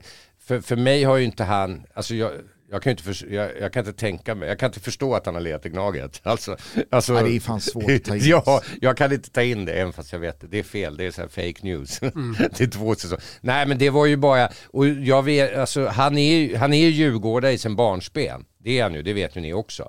Men sen så blev det, vi var ju skitdåliga då. Men på Hade den tiden ska väl också sägas, liksom att, precis som Mm. du säger, att eh, eh, allsvenskan såg annorlunda ut. Ja. Förutsättningarna för att eh, liksom, kunna eh, leva på fotbollen, det kunde man ju inte ens många. Eh, det, nej, det var, var ju, var ju mycket sämre. Så att, eh, f- fanns det ett lag i allsvenskan Mm. i staden du bodde som faktiskt kunde erbjuda dig pengar, det, eh, där måste man förstå människan också. Mm. Att eh, fan, jag, jag älskar att lira fotboll, jag vill göra fotboll. Och då, Mm. Ja, då kanske var det det. var eh, Ja. Mm. ett av få alternativ att spela fotboll på heltid. Men det, det, där fanns ju också sådana som körde, alltså vi hade ju en som vann skytteligan som hette Leffe Sköld på 60-talet. Han gick direkt från AIK till Djurgården. Och då gjorde han för han, liksom, han trivdes inte och han var dålig i AIK och så blev han jättebra i Djurgården. Så det kan ju vara sådana grejer. Men apropå det, det taskigaste man kan göra mot mig då, P. Kortsak, det gör man ju på en svensexa.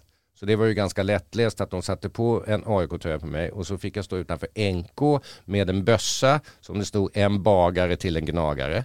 Jag samlade in 230 spänn. Och, eh, och så tänkte jag ju säga, men det där skiter vi att sätta in på. Då swishar man ju inte på den tiden. Nej. Så. Men då tar min bror Erik, som jag sa innan, som är gnagare. Och eh, då tar jag och sätter in det och så skriver han, detta är en personlig gåva från Pelle Kortsak. Så den gåvan finns. Ja, och då fick jag tack i AIK Nytt. Det var inte bra. Jag älskar för övrigt att du pratar om dig själv i tredje person som P. Kortsak. Ja, det är ju. Zlatan och jag som Ah, gör det. det är tredje Så ska det person. vara. Otroligt. Jaha, nu lider året snart mot sitt slut och vi vill skicka en hälsning, en extra hälsning till alla våra härliga vänner på K-Rauta som har varit med under hela 2021 och gjort varje månad till någonting extra. Ja, men jag tycker verkligen det. Vi är stolta att ha dem som samarbetspartner och att de lyckades till och med under 2021 att få Gusten att bli en hobbysnickrare. 2022 hörni, det blir mitt år. Avsluta året med K-Rauta. Gå in på krauta.se för nu är rean igång. Skynda dit, Hitta fina erbjudanden på verktyg och prylar som får dig redo för alla härliga renoveringsprojekt under 2022. Passa också på att starta nya året med att bli medlem i deras kundklubb för att ta del av alla mängder erbjudanden som kommer komma nästa år. Avslutningsvis, stort tack Kårauta, Kitos kitos, vi älskar er. Ni som har lyssnat på Toto 5, ja ni som inte har gjort det, gör det. Men ni som har lyssnat vet att vi gör den podden tillsammans med Stadium. Och de fina gamla Norrköpingsföretaget har ju ett engagemang och gör ett jobb bland klubbar och föreningar i landet för att skapa en så bra sportmiljö som möjligt. Och de försöker alltid möjliggöra förändringar och jobba ständigt med utveckling, både internt och externt med föreningar och klubbar. De lever efter sin vision och i samarbete med föreningar och andra delar av samhället så vill de inspirera fler till ett liv i rörelse och helt enkelt aktivera världen. De eh, stöttar väldigt många föreningar och det här tycker jag är bra. Som jobbar med projekt som riktar sig till ungdomar som på olika sätt befinner sig i utanförskap. Och Stadium vill ju såklart motarbeta det. Ett exempel på deras arbete är FC Rosengård det har de gjort fantastiskt. En annan klubb de är med och stöttar är BP och i frågor kring jämställdhet och aktiviteter för unga så har Stadium ett väldigt, väldigt nära samarbete med BP. Och det är ju Europas största förening för både pojkar och flickor. Alltså det är 3000 eh, boys och eh, tusen tjejer som spelar fotboll i BP. Och eh, målet där är att jämställdhet ska genomsyra hela verksamheten med fokus på ja, men resursfördelning, och det, det är lite så här tråkigt, så här, vadå resursfördelning? Men det är så otroligt viktigt att eh, man får samma möjligheter att satsa på sin sport, både pojkar och flickor. Det är lika behandling såklart och ökad kunskap kring de här ämnena. Eh, och jag som är väldigt nära i eh, Stockholmsfotbollen vet att BP gör ett fantastiskt jobb. Så vi säger stort tack till eh, Stadium för att ni är med så nära och stöttar Toto Fam och eh, att ni gör ett fantastiskt jobb där ute. Viktigt meddelande inför julafton. Meddelandet är tillsammans med Pepsi Max, för det är ju så att det finns bara en dryck att ställa på julbordet om man vill imponera på sina gäster. Men då gäller det också att göra det rätt. Jag pratar om is i glasen, citrusskivor, lime eller citron, eller varför inte? Det är ju julafton, både och. Och sen häller ni på iskall Pepsi Max. Voila! Där har ni julaftons enda dryck. Glöm inte bort Pepsi Max på julbordet alla. Skicka gärna in lite bilder så vi får se hur det ser ut. Hörrni, eh, nu skickar vi över ljud och bild, höll jag på att säga. I alla fall ljud, till eh, Pelle Kortsäck igen. Vi säger stort tack till Pepsi Max som har varit med genom hela 2021 och möjliggjort Toto Balotto vi, vi, måste snacka lite om Hasse ja. Jeppsson faktiskt. För det är den största fotbollsspelaren vi har haft i Djurgården och kanske i Sverige. Hasse Jeppsson... Mm. Ja. Stora ord! Ja det är stora ord. Stora ord får man säga. Hasse Jeppsson och ni som, eh, särskilt du Thomas som är mm. Italien-snubbe, eh, då säger vi så här att Hasse Jeppsson eh, föddes i Kungsbacka. Fan vad du är bara reducerad till Italien-snubbe. Ja men det funkar. Ja, men det jag, jag tar den alltså. Ja. Ja. och han föddes i Kungsbacka och han, han eh, gick till ÖIS. Och det är också för dålig stämning med ÖIS och Djurgården. Och 1948 så, eh, eh, så åker Djurgården ur allsvenskan, ÖIS är inte allsvenskan och han är het, han är jätteduktig. Alltså, och han är bra i tennis också, Hasse Jeppsson. Han har kommit in på kadettskolan i Stockholm, ska flytta till Stockholm. Men de vill att han ska spela kvar i ÖIS ändå för han är liksom en stjärna i en spe. Och, eh, men Djurgården värvar honom för Djurgården har fått en inbjudan att åka till USA och spela fotboll i nio olika matcher, åka turné i USA och Kanada. Och det var två europeiska lag som skulle åka till eh, USA för att missionera om fotbollen. Liverpool FC och Djurgårdens IF som inte ens låg i allsvenskan. Hur kunde vi få den inbjudan? Jo, för vi hade en snubbe som jobbade på SOK som hette Wolf Lyberg. Mm, som de fick inbjudningar. Så den tar vi till Djurgården. Men eh, i alla fall så, och, och då kunde vi eh, liksom locka honom då skrev, till Djurgården och då skrev han på för Djurgården. Sen då, och han gjorde ju succé då, för då hade vi åkt ur allsvenskan och vi gick ju upp till allsvenskan igen och då byggde vi liksom järnkaminer och allt sånt, hela 50-talet som vi var bra på. Det Och, eh, byggdes liksom runt Ja, Jeppsson. ja, ja, det kan man säga. Och då såldes han efter, han var med när vi tog brons VM 50 i, eh, i Brasilien. Då var ju, då som, Grenoli känner ju alla till och sen var de, hade de blivit proffs utan då blev det ju Pal Jeppsko. Det var Kalle Palmér för MFF, Hasse Jeppsson och Nacke Skoglund. Pal Jeppsko. Det har inte satt sig lika Nej, inte lika väl lika, men det fanns en trio. det fanns en Alla trio. trios har inte heller satts, alla de. Nej, exakt. Paljepp. Det finns ju några Kom igen nu. Paljepsko. Men, eh, men då i alla fall, sen kom han till Djurgården så spelade han två eller tre säsonger i Djurgården. Sen blev han såld till Atalanta. Och sen såldes han från Atalanta till Napoli. Då var han världens dyraste fotbollsspelare. Och då, och då blev han värvad till Napoli för det var borgmästarval där. Och då hade de tre, då var det en som hade bara, han hade tre stycken vallöften och han blev vald på med skyhög marginal. Ena var att han skulle lösa in några skuldsedlar. Nummer två, en speciell lördag skulle vara fritt vin till alla Underbart. invånare i Napoli. Och Ja, tredje, han får min röst där. Ja, ja, exakt. Och tredje var de skulle köpa Hasse Jeppsson från Atalanta. Mm. Och sen blev ju han jättestor. Han blev vald till Italiens bästa fotbollsspelare. Mm. Det är våra gubbar. Kungsbackasonen. Ja men det är underbart. Jag, jag, jag, jag, jag måste dock återigen understryka att det är, det är nog inte jättemånga som tycker att Hasse Jeppsson är Sveriges största fotbollsspelare genom tiderna. Det är många Djurgårdare som tycker att han kanske är den bästa Djurgården. Men, det, men jag, jag tänker att han, han honom. för Djurgården är lite vad Kurre Hamrin är för AIK. Ja, kanske. Sådär, I så fall.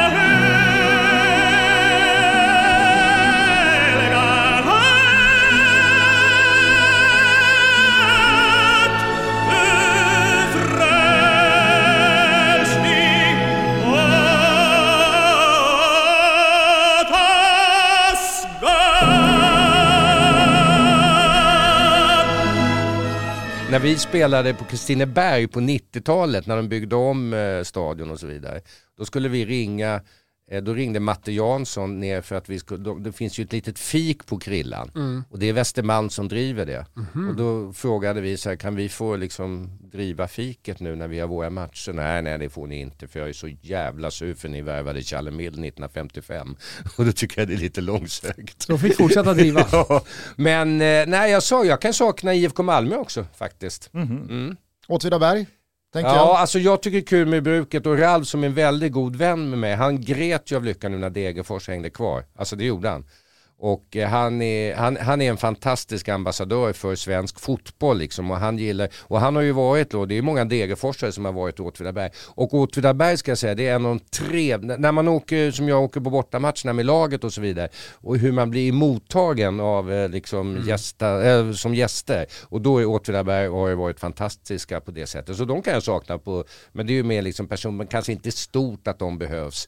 Men det är kul att, att brukslag kan komma upp och vara kvar i allsvenskan. Och just Degerfors är ju fantastiskt, det är inte bara att de kommer upp en gång nu eller något, för de har ju haft sina olika, de tog ju stora silvret till 42 eller något sånt där. Så det är ju, eh, Det är ett lag som ändå har varit med i fotbollshistorien, allsvenska fotbollshistorien. men IFK Malmö är ju så skönt med IFK Malmö och Erik Persson. Alltså alla de historierna. För IFK Malmö då, alltså det, det är det klassiska laget i Malmö, för de var ju före MFF. Och då kom ju, och då, då, det var ju de som eh, lämnade in protest för att Malmö hade betalat typ en krona poängen till sina spelare. Så de blev ju nedflyttade till division 2 någon gång på 30-talet. Då. Och Malmö då, blev Malmö FF blev det. Ja, de blev Malmö. FF ut- pröjsade en krona till sina spelare Segerpremie. per Och då- poäng i och någon det- slags bonus. Ja just det, och det fick man inte göra för då var man inte amatör. Och det i- anmälde IFK Malmö. Ja, exakt. Och IFK, och än idag så var det Erik Persson som ni känner till som byggde Malmö FF. Han checkade aldrig senap till korven för att de hade gula eh, tröjor då, Malmö. Ingenting för att vara gul. All, och än idag har de inte gula västar, alltså Malmö, när de tränar. Han åkte aldrig gula taxibilar det finns ju många historier som helst. Men en grej som är lite kul med IFK Malmö, för det är ju faktiskt det laget som innan Malmö FF vann eh, Europacupen, som hade gått längst i Europacupen. Fast de har aldrig vunnit SM. på, för på den tiden var det när man ledde inför sommarbreaket. Det laget fick spela Europacupen och det gjorde de 62. Mm. Så de gick till kvartsfinal till, eh, i, eh, i Europacupen tillsammans med Djurgården. Första Europacupen var 1955, Djurgården gick till kvartsfinal. Santa, Men IFK Malmö, det, det här är jag, lite kuriosa, så är det så, en annan fråga som man brukar ställa, eh, eh, då är det ju så här att vilken är den största match som IFK Malmö har deltagit i? Ungefär så kan man ställa Ja. frågan. Och då är det ju så här att, eh, att det är Euro, eller VM-kvartsfinalen mellan 1958 då, mellan Argentina och Tyskland, eller om det var, det var nog Västtyskland de hette då, 1958. Då hade Argentina sina vanliga kläder, de hade inga, och ni vet ju hur de eh, tröjorna ser ut, och ni vet hur tyska tröjorna ser ut. Alltså var de tvungna att byta. Och då fick de låna IFK Malmös ställ. Ah. Och så sydde de på sitt Argentina-klubbmärke. Och jag har en dotter som bor i Buenos Aires och det är stort där.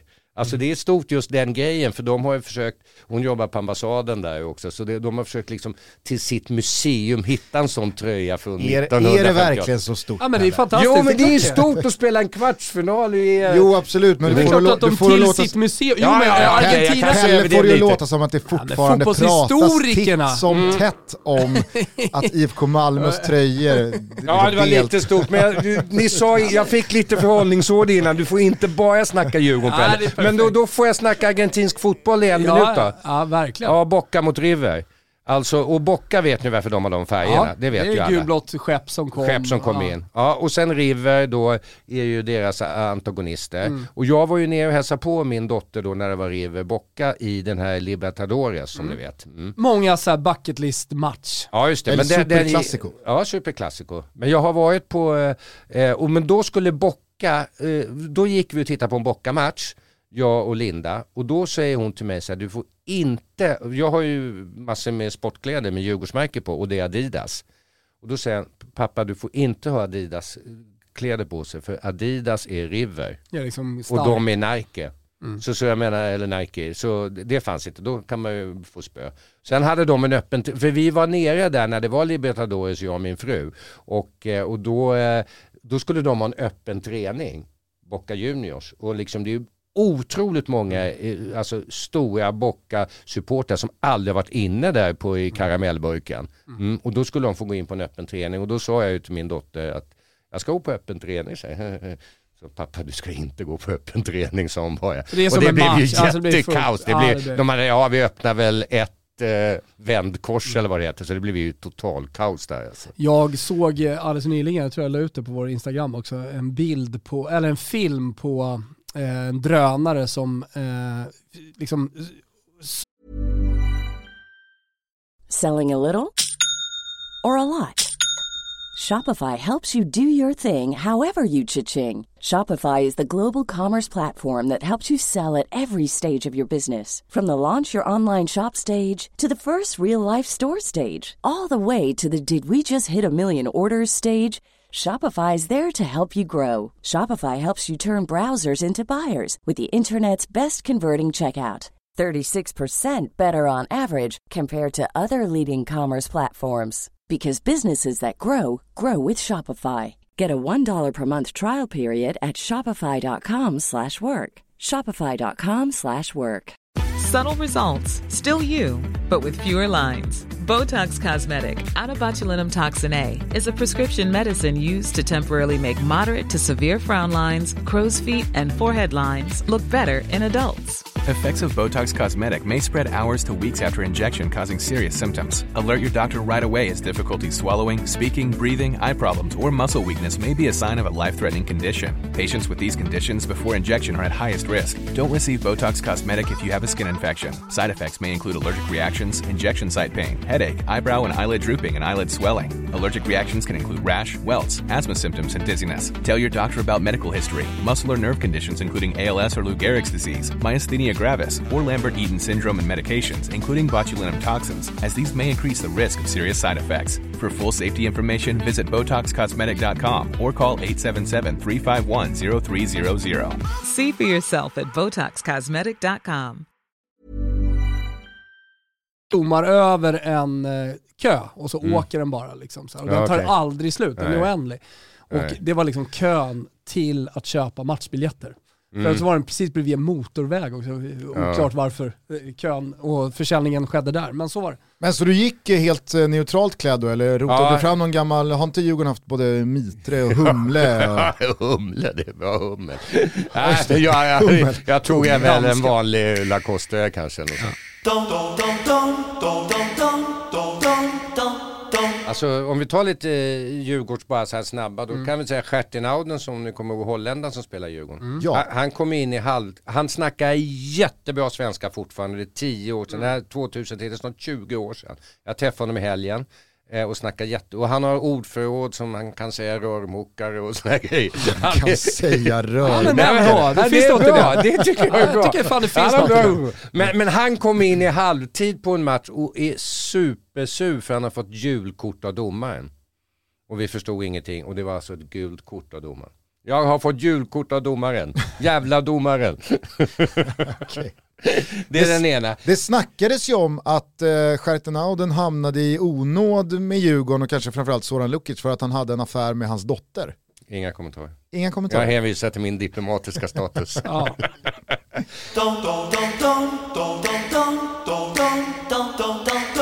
Du, eh, vilka, vilka spelare minns du med mest glädje när du tänker tillbaka på alla dina år i både Djurgården och den svenska fotbollens eh, tjänst? Ja, då kan man ju säga att eh, eh, Svenne Lindman var min, min första Djurgårdsidol och han blev ju svensk mästare 66 då. Eh, 64 står med planen då som jag berättade, 66 då, så 65 så värvade Sirius fyra landslagsspelare från Djurgården, fyra stycken, trots att de låg i division 3. Inte bra, dålig, så kallad dålig stämning.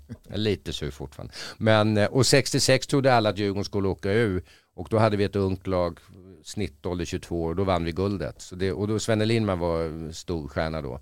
Så det är min första Djurgårdsidol. Ja, när man... eh, Men och så- sen då, alltså, i, i, vuxen ålder när du har eh, kommit dem närmre, vilka har varit de största profilerna? Vito Knesvik. Nej, Är det så? Ni- nej. Vi Ja, pratade det- ju lite om honom Ja, ja, det var det- det var det är jag många av mina, i min generation, eh, liksom sena 70-talister som, Ja, ja. som i, i, Vad är det han brukar Ja, men kalla? legend- Skruvdobbsmördaren från, Från Norrby. från Norrby? Ja. Just det, så. Ja, Ja, vad han, du säga var, han, Thomas? var, Det han var- hade temperament. nej, bara så här, det, är må, det är många som eh, ändå liksom lyfter upp han i Djurgårdshistorien. Ja, han är ju kultgrej. Ja. Han var ju med, var inte han med när vi tifo? Han är ju, jag har jättebra kontakt med honom. Ja. Och för mig när jag kom till Djurgården när jag berättade 81, Mm. då spelade ju han då. Och det var ju fantastiskt, det var ju mina idoler. Liksom, när man växte upp, det var, det var ju untouchable liksom att få träffa en Djurgårdskille. Liksom. Men var han så liksom man- som friken, eller Nej, han som men- du beskrev, som bara liksom stormar fram Ja, och nej, nej men han var ju, alltså, han hade ju hett temperament Vito. Mm. Italienskt blod.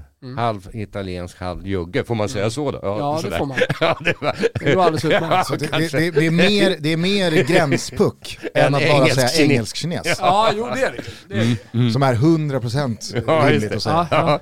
Men i alla fall, så han har ju temperament. Världens snällaste kille utanför som det brukar vara. Men, äh, och även när vi spelade då i veteranlaget, i C-laget, vi hade ett veteranlag som spelade mot eh, alltså B-lag, alltså typ division 8-lags B-lag spelade vi. Så vi var med i reservlagsserien eh, senior och det var C-laget som vi kallade det för. Och eh, han, eh, mm, han var utvisad ganska ofta där också. Så, så han, eh, men världens finaste kille men väldigt hett temperament, Vito Knesevik. Alltså sen när vi värvade då, alltså när vi byggde laget då på 2000-talet då på Kim och Isak och, och så vidare. Men sen Eh, ja, och sen var det ju kämpar då på, på ni- 90, alltså 80 och 90-talet hade vi det ju tufft då så det var ingen som stack ut direkt. Sådär. Peter Langemar.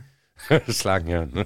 Han visste ju aldrig vad han skulle spela. Ja, han ska spela back. Många, du, du som är statistikbitare, han har faktiskt en fråga. Vet du hur många matcher han spelade i Djurgården och hur många mål han gjorde? Slangen? Ja, i Allsvenskan. Ja, jag, ska, jag kan gissa. Ja, men han gjorde ju i alla fall några mål. För sen, han, han avslutar ju som forward. Så jag kan ti- tippa att han har gjort 50 matcher och eh, åtta mål. Ja, men det var ju som du sa upp och ner. Eh, han skulle gissa att det var alltså, i allsvenskan 22 matcher, men sen så Ja. var, ni inte, var han väl inte bara i Nej allsvenskan. nej, det var ju upp och ner. Det han var, två- 22-2 Mm. eh, själv. Alltså själv, Ja. okej. Och sen, Men det sen, kan vi kolla sen, sen påminner han eh, också eh, om att eh, du faktiskt har gjort en träningsmatch för Djurgården. Ja just det. A-laget, Mm. ja, nere i Båstad. Du sköt i stolpen. Mm. Det finns, kom, finns i en julkalender Ja. nära dig. Det var i julkalendern förra året och vi har en uppföljning i år. Och det är väl vår allas goda vän Hasse Backe Mm. som bytte in Nej, det var inte... Alltså, P. Kortsak, ja, eller? nej, nej, P. Kortsak. det var så här, 19, då var det så här, 19, när jag kom till Djurgården 1981 då, och sen var det ty, typ, ett av de första besluten som jag fick vara med och ta, det var när vi skulle anställa en tränare. Och då valde vi Hasse Backe som då spelade i division 3. Och, eh, och då, sen åkte vi på träningsläger, det var nog hans andra år då. Och då åkte jag med som överledare. Och det var sista matchen innan vi skulle ha premiär i division 2 norra. Och, eh, och då så, och så sa jag, finns det någon chans? Då hade jag blivit lite så här småkaxig. Finns det någon chans att jag kan få vara med och spela? Om Det är det, sånt om det, jävla självförtroende på Kortsak. Alltså det är helt orimligt att du i din roll Ska in. tränaren om Ja, det ja. finns någon möjlighet. Ja, ja, ja. Det Finns det någon möjlighet? nej, det var inte, det här var, här var, det här var Jugoslavien. Jaha, ja ja. Ja, i Split. Jaha. Mm, Alltså, eller vi, var vi det pratar, vi pratar Ja, vi- genrepet innan första riktiga seriematchen. Mm, Och exakt. Ah, ja. Pelle tycker på riktigt att det är rimligt att fråga, Ja. finns, finns det någon? Ja exakt, möjlighet precis och det är så jävla bra analys. För då är det fortsättning, då är det in. fortsättning så här, okej, är det avgjort liksom och det står 5-6-0 då kunde du få hoppa in och spela två minuter. Ja, och då i alla fall så eh, Eh, och sen stod det 1-0 och det var lite halvdålig stämning. Det var mot, inte mot Hajduk Split utan var mot FC Split, ett Ja. annat lag. Och då tänkte jag, jag satt, men då, då säger Hasse till mig, du värmer upp eller sen? Och så jag värmer upp, duck, duck, duck, duck, duck. Och sen då så... Alltså på, en, sen- på, en, sen- på en skala från eh, liksom 1 till 10, hur, hur bra fotbollsspelare var du på den här tiden? Ett.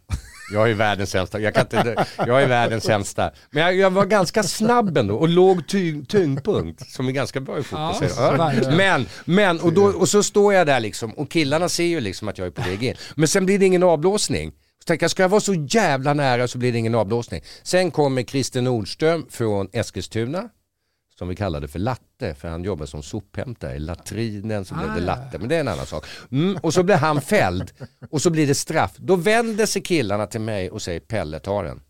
Mm. Och då, men det, det, och då blir, det har jag ångat hela livet att jag inte tog den. Du bangade ur? Jag bangade ur. För jag tänkte det, och då tänkte Så jag ju hade du precis, stolpen så här, läge och sätta den Nej, också? nej men det var ju, ja precis, men det är tio år senare. Jo, ja, jag menar, Mm, då hade det, du men läge då att göra mål igen. ju. Och då, men då tänkte jag, det här ska tyst, men då tänkte jag så här, okej, då blir det så här, tidningarna ringer ju ner för det är i alla fall genrep innan, det blev 1-1, vem gjorde målet och så där tänkte jag, men det, det hade vi kunnat Det är fejka. så jävla lika delar underbart som oseriöst. Ja, jag vet. Att Det Backe är byter in Pelle Kortsak. Ja, men, Det är, och då, det är, det är, men då ja vi- men det är ju också, det, det, mm, det, men det finns en historia, vänta, vänta. Långt ifrån dagens, liksom, Ja, det är ju exakt. långt, långt Men-. Jesper Jansson hoppar in i Bayern i genrepet. Ja, men, men då, då säger jag, sen ska Lars Yxan. Gunnar leda en presskonferens som han alltid gjorde för division 2 norr, som hade sin egen presskonferens, alltså sån här som allsvenska startar, sån här starta upp. Och då ska han gå, gå med Backe, för jag säger det här, jag retar ju Lars Gunnar att jag hade spelat i A-laget, men du får inte snacka om det. Och så kommer han ju, och så kunde ju inte han hålla sig, och då säger han till Backe så här, att hör du, jag hörde att du provade en intressant kille i slutet mot och han vred sig liksom, för det var ju tystnadsplikt på den. Och då säger Lars Gunnar, nej men det- det är en så skön historia så jag berättar den för alla, så det kommer ju ut då. Det är väl ungefär Mm. som om typ Bartosz hade bytt in Niklas Strömstedt. ja, ungefär. Mm. Ja. Någon slags luddig, Mm. inte längre väl, men han, har väl någon, han hade väl någon slags luddig roll i Simon Strands valberedning där för något år sedan. Och att så här, äh, men vad fan. Och, och, framförallt att Niklas Strömstedt kommer ner till Bartosz, finns det någon, fin- finns det en möjlighet Nej, att men yxan som jag sa, hoppar in i, från Yxkull hoppar in i Bayern i genrepet. Men varför kan det inte vara så höll jag på att säga. Ja. Men, men sen då... Jo men det är, väl- det, Ja, är, det det, är väl det här vi pratade om tidigare. Ja. Alltså så här, man, man, man vill ju att svensk fotboll, alltså jag i alla fall, och jag tror Mm. många känner lite samma sak, att det där är ju, det där är ju underbart. Men samtidigt så är det ju så fullständigt Ja, otänkbart idag. exakt. Jo men sen finns blir det ju också att vi jävligt- hamnar... Det finns någonting jävligt trist i att det är så Ja. otänkbart Vi, idag. vi hamnar ju också i ett läge där supportrar jobbar att man ska sälja för 30, 40, 50 miljoner, lika mycket som man jobbar en seger. Mm. Och man är VAR-motståndare samtidigt som man är förbannad på domaren som missar 20 cm offsider. Och det värsta Man är emot finns- den moderna fotbollen, men det Exakt. finns saker i den moderna fotbollen man gillar. Så vi hamnar ju i ett läge där vi är lite splittrade. Ja, och- den moderna supporten. Exakt, och det finns ju så jäkla mycket just när det kommer till den svenska fotbollen som är paradoxalt och som man, man står i båda ringhörnorna och man slits men- mellan det här Exakt, och men det jag där. hör ju hur, hur eh, P. Kotschack gillar att Djurgården idag bedrivs som en professionell stor verksamhet samtidigt som liksom, benen står djupt rotade i fotbollshistorien. Eh, och det, det är väl någon härlig, det är väl det som är allsvenskan då, en härlig mix av det, det moderna. Och vi hittar vår väg att eh, ta oss fram eh, i liksom fotbollens framtid. och jag tror att vi fortsätter att skapa något eget, unikt i Sverige. Och det är det någonstans som är det, ja, men det, det, det som gör allsvenskan till en så underbar Men det var ju någon i. Bund, precis, det var ju någon i Bundesliga, någon, det här är kanske 20 år sedan som jag läste det, som, som hade pyntat in jättemycket kul i en klubb. Och hans högsta dröm var att få spela fem minuter. Och det fick jag. Och då fick, satt ju han på bänken i några omgångar till det blev en match som han kunde hoppa in och fick spela fem minuter. Men sen liade jag, sen, sen blev jag kaxigare och kaxigare med jag var liksom i Djurgården. Och sen var det år 95. Då var jag, då tyck, då var jag varm i kläderna. Då kunde jag ställa krav. eller Och då var vi på träningsläger i Båstad som jag hade fixat. Och, Såklart. eh, och, och killarna älskar ju mig för det Båstadveckan, träningsläger. Jag hatar dem inte. Och, och Fred Persson sa det enda gången man kommer hem från ett träningsläger sämre tränade än när man åkte dit. De var ute varje kväll. Och då spelade vi då en match mot Båstad. Det var liksom betalningen för rummen eller vad man Ja, Det var ju på det. Vi, hade, vi kunde inte åka på läger för vi hade inga pengar. Men då gjorde man en byte. Och då fick jag hoppa in när det var fem minuter kvar. Och då hade jag ju sagt, då ska jag spela for. Jo, då sa jag faktiskt, ja, men då hade jag sagt till Glenn, det var ju Grönis, då hade jag sagt till Schiller som var lagledare då. Ja, då hade jag sagt till honom så här, eh, nej men då, då frågar jag Grönis. Eh, nu, nu vill jag, ja just det, som Ja. var tränare, nu ska jag spela. Och då hör jag hur Gre, Grönis viskar till Schiller. Menar han allvar? Rimligt. Rimligt. ja, det- Rimlig fråga Och då fick Anders jag hoppa Grönhagen. in och då, och då hade jag ju sagt till killarna, och kommer jag in, alla passningar till mig. Alltså, och, eh, och då, gjorde- då drog ju Nebb och några gubbar och passade mig och så sköt jag i stolpen. Det är så bittert alltså. Med mina barn på läktaren. Påminner lite om när eh, jag Mm. spelade i Bele Barkarby för eh, 10-12 år sedan. Mm. Och Putte Ramberg valde att förlägga träningslägret till Visby vecka 29. Ja, för att okej. alla citat ändå är där. annars, det är blir det, annars blir det inget träningsläger. Så att det, var, det var träning på förmiddagen och kallis på eftermiddagen. Ja, ja, det är bra, det är vackert. Oh, the weather outside is frightful, but the fire is so delightful. Since we've no place to go, let it snow, let it snow, let it snow. Men eh, vilka spelare har gjort avtryck på det utanför eh, Djurgårdens eh, blårandiga färger då? Alltså vilka, vilka tycker du har eh, förtjänat att omnämnas i det här avsnittet när Pelle Kotschack blickar tillbaka på den allsvenska historien som han upplevt? Ja, allt. ja, men får jag ta landslagshistoria också då? Ja, eller? det är klart. Alltså Ralf Ralf är en väldigt god vän med mig. För, och eh, vi umgås ju familj, han bor i Båstad också på somrarna och så vidare. Men eh, så, ha- han var ju stor när han kom liksom som, som en eh, idol. Hängde Eh, du med för några år sedan när Alf Edström trodde att han hade träffat Mattias Concha i, vad var det, Kollerup? Ja, exakt. Och kontaktade Mattias Concha på Twitter för att han var jävligt... Kan ha varit Facebook va? Nej jag tror att det var Twitter. Nej, eh, han var jävligt Twitter. besviken på Concha för att han inte hade hälsat tillbaka när Ralf Edström då hade morsat på Concha på någon restaurang eller något café Ja, eller vad det nu var. okej. Men problemet var att det var ju inte Mattias Concha. Så att Ralf spydde galla Ja, över inte Concha. Ja. inför öppen ridå på Twitter och Concha fattade absolut ingenting. vad, vad pratar du om Ralf? Ja, ja, det var inte bra. Nej men Ralf var ju, alltså 74-laget var ju, var, var ju ett fantastiskt lag då, eh, VM-laget 74. Kunde ju verkligen var ju hävda sig också. Ja, ja men Största. precis. Och, eh, men i, alltså Djurgårdsmässigt då på, eh, alltså det var ju, alltså lagen, alltså det laget då 02-03, särskilt 03 var ju med Isak och, och, eh, och Kim som jag sa innan var ju stort. Och, och sen är ju sådana, alltså pålitliga, ja det ska man säga, Stefan Rehn är ju för mig, Men Pelle, han nu, var ju sk- med Pelle, guys. nu skulle vi utanför Djurgårdens. Ja just det, förlåt ja. Jaha jag trodde du sa det, förlåt, förlåt, förlåt. Jag hanka, hanka, Det halka råkade, in det råkade bli Kim Källström. Isaksson och Stefan Rehn. och- Ja, det. Nej men då säger jag ju faktiskt, eh, jag, jag kan faktiskt dra till med Kurre Hamrin lite. Mm. För han var ju stor då när man, alltså när, kvalet till 66, när, 60, då 65 när han var landslagsspelare och, och spelade för Fiorentina. Så, så han, ha- han kan jag dra till med, det var nog en av de första.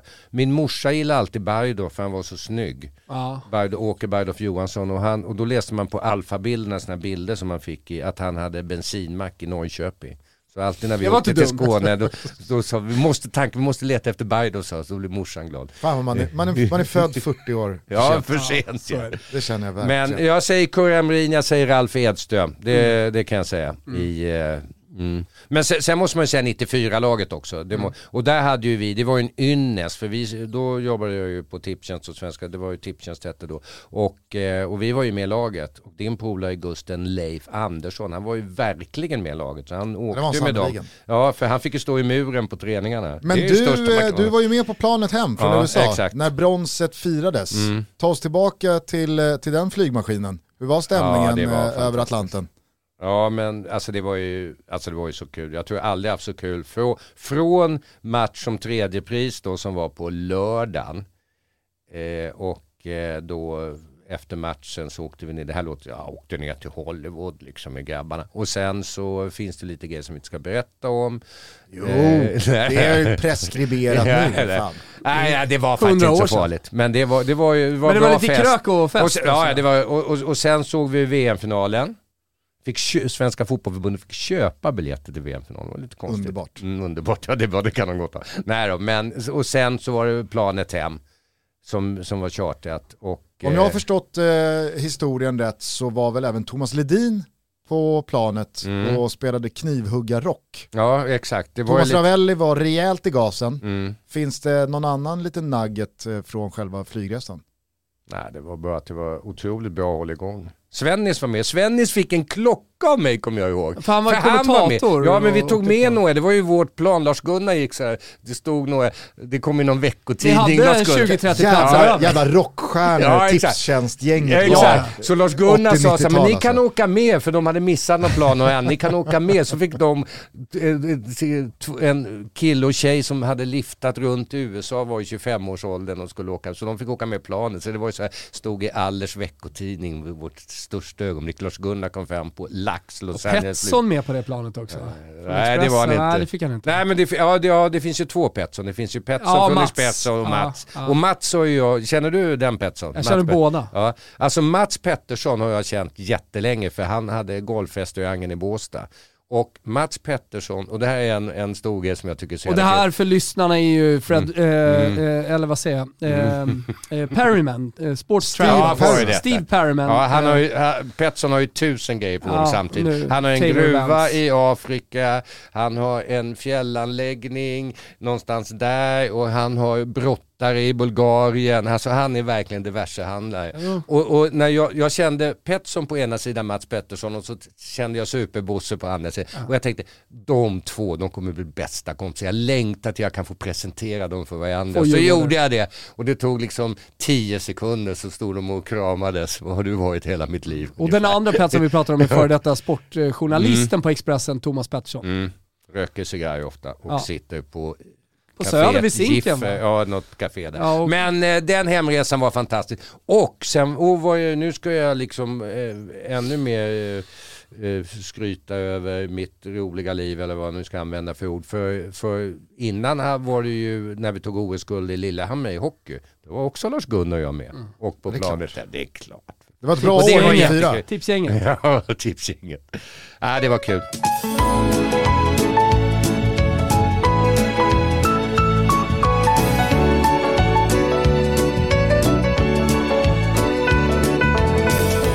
Hörru du Pelle Kotschack, vi ska börja runda av. Det är julafton imorgon och om en dryg vecka så skriver vi in ett nytt år i kalendern. Vad önskar du dig av 2022? Överhuvudtaget. Ja, men Du då får kan tolka frågan precis hur du vill. Det var som någon sa, vem, vem var det?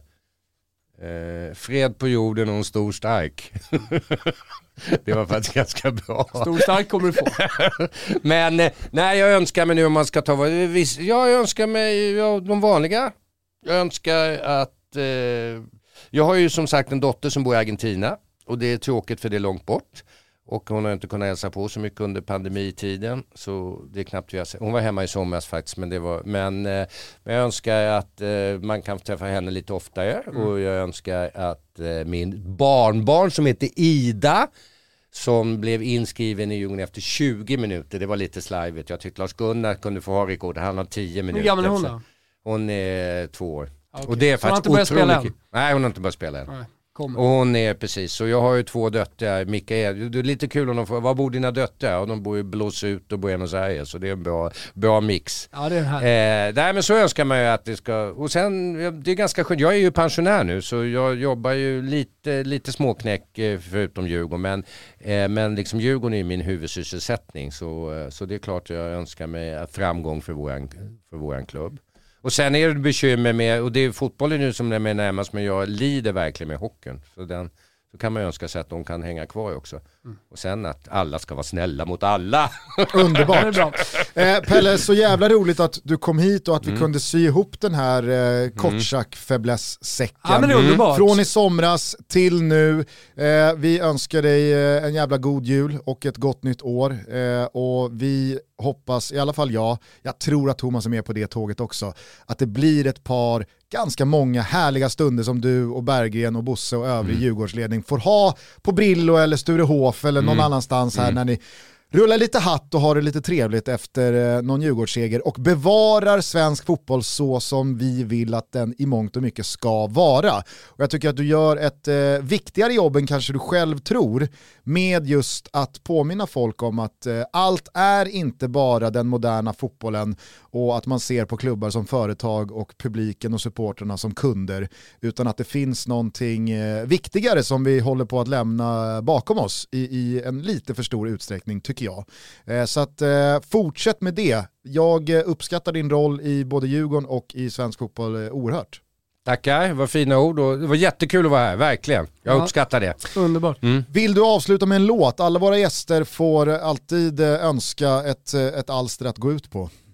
Mhm, eh, då önskar jag mig, eh, jag kan ju ta en, eh, min gamla skolkamrat och granne Magnus Uggla.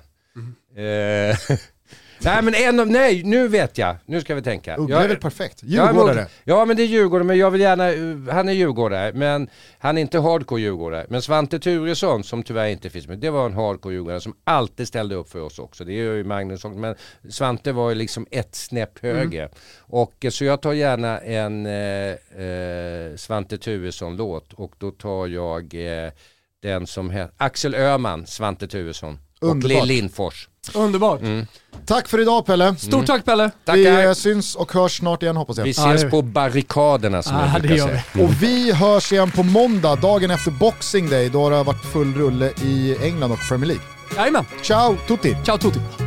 Han for med båt till San Francisco han var så stor och stark.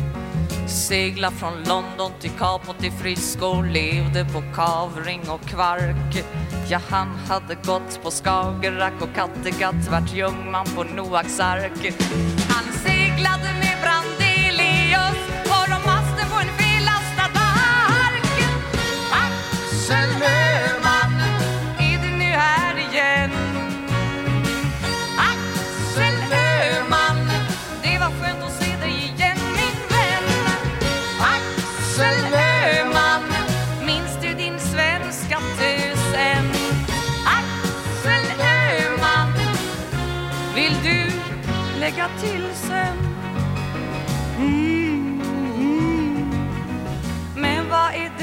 verkar så förändrad och din blick är så tom?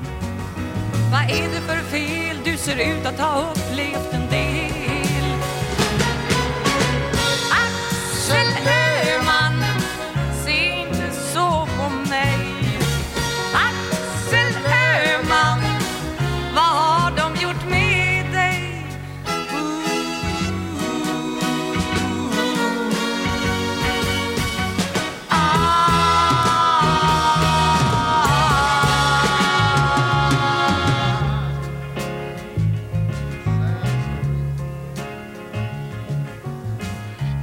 Land i San Francisco.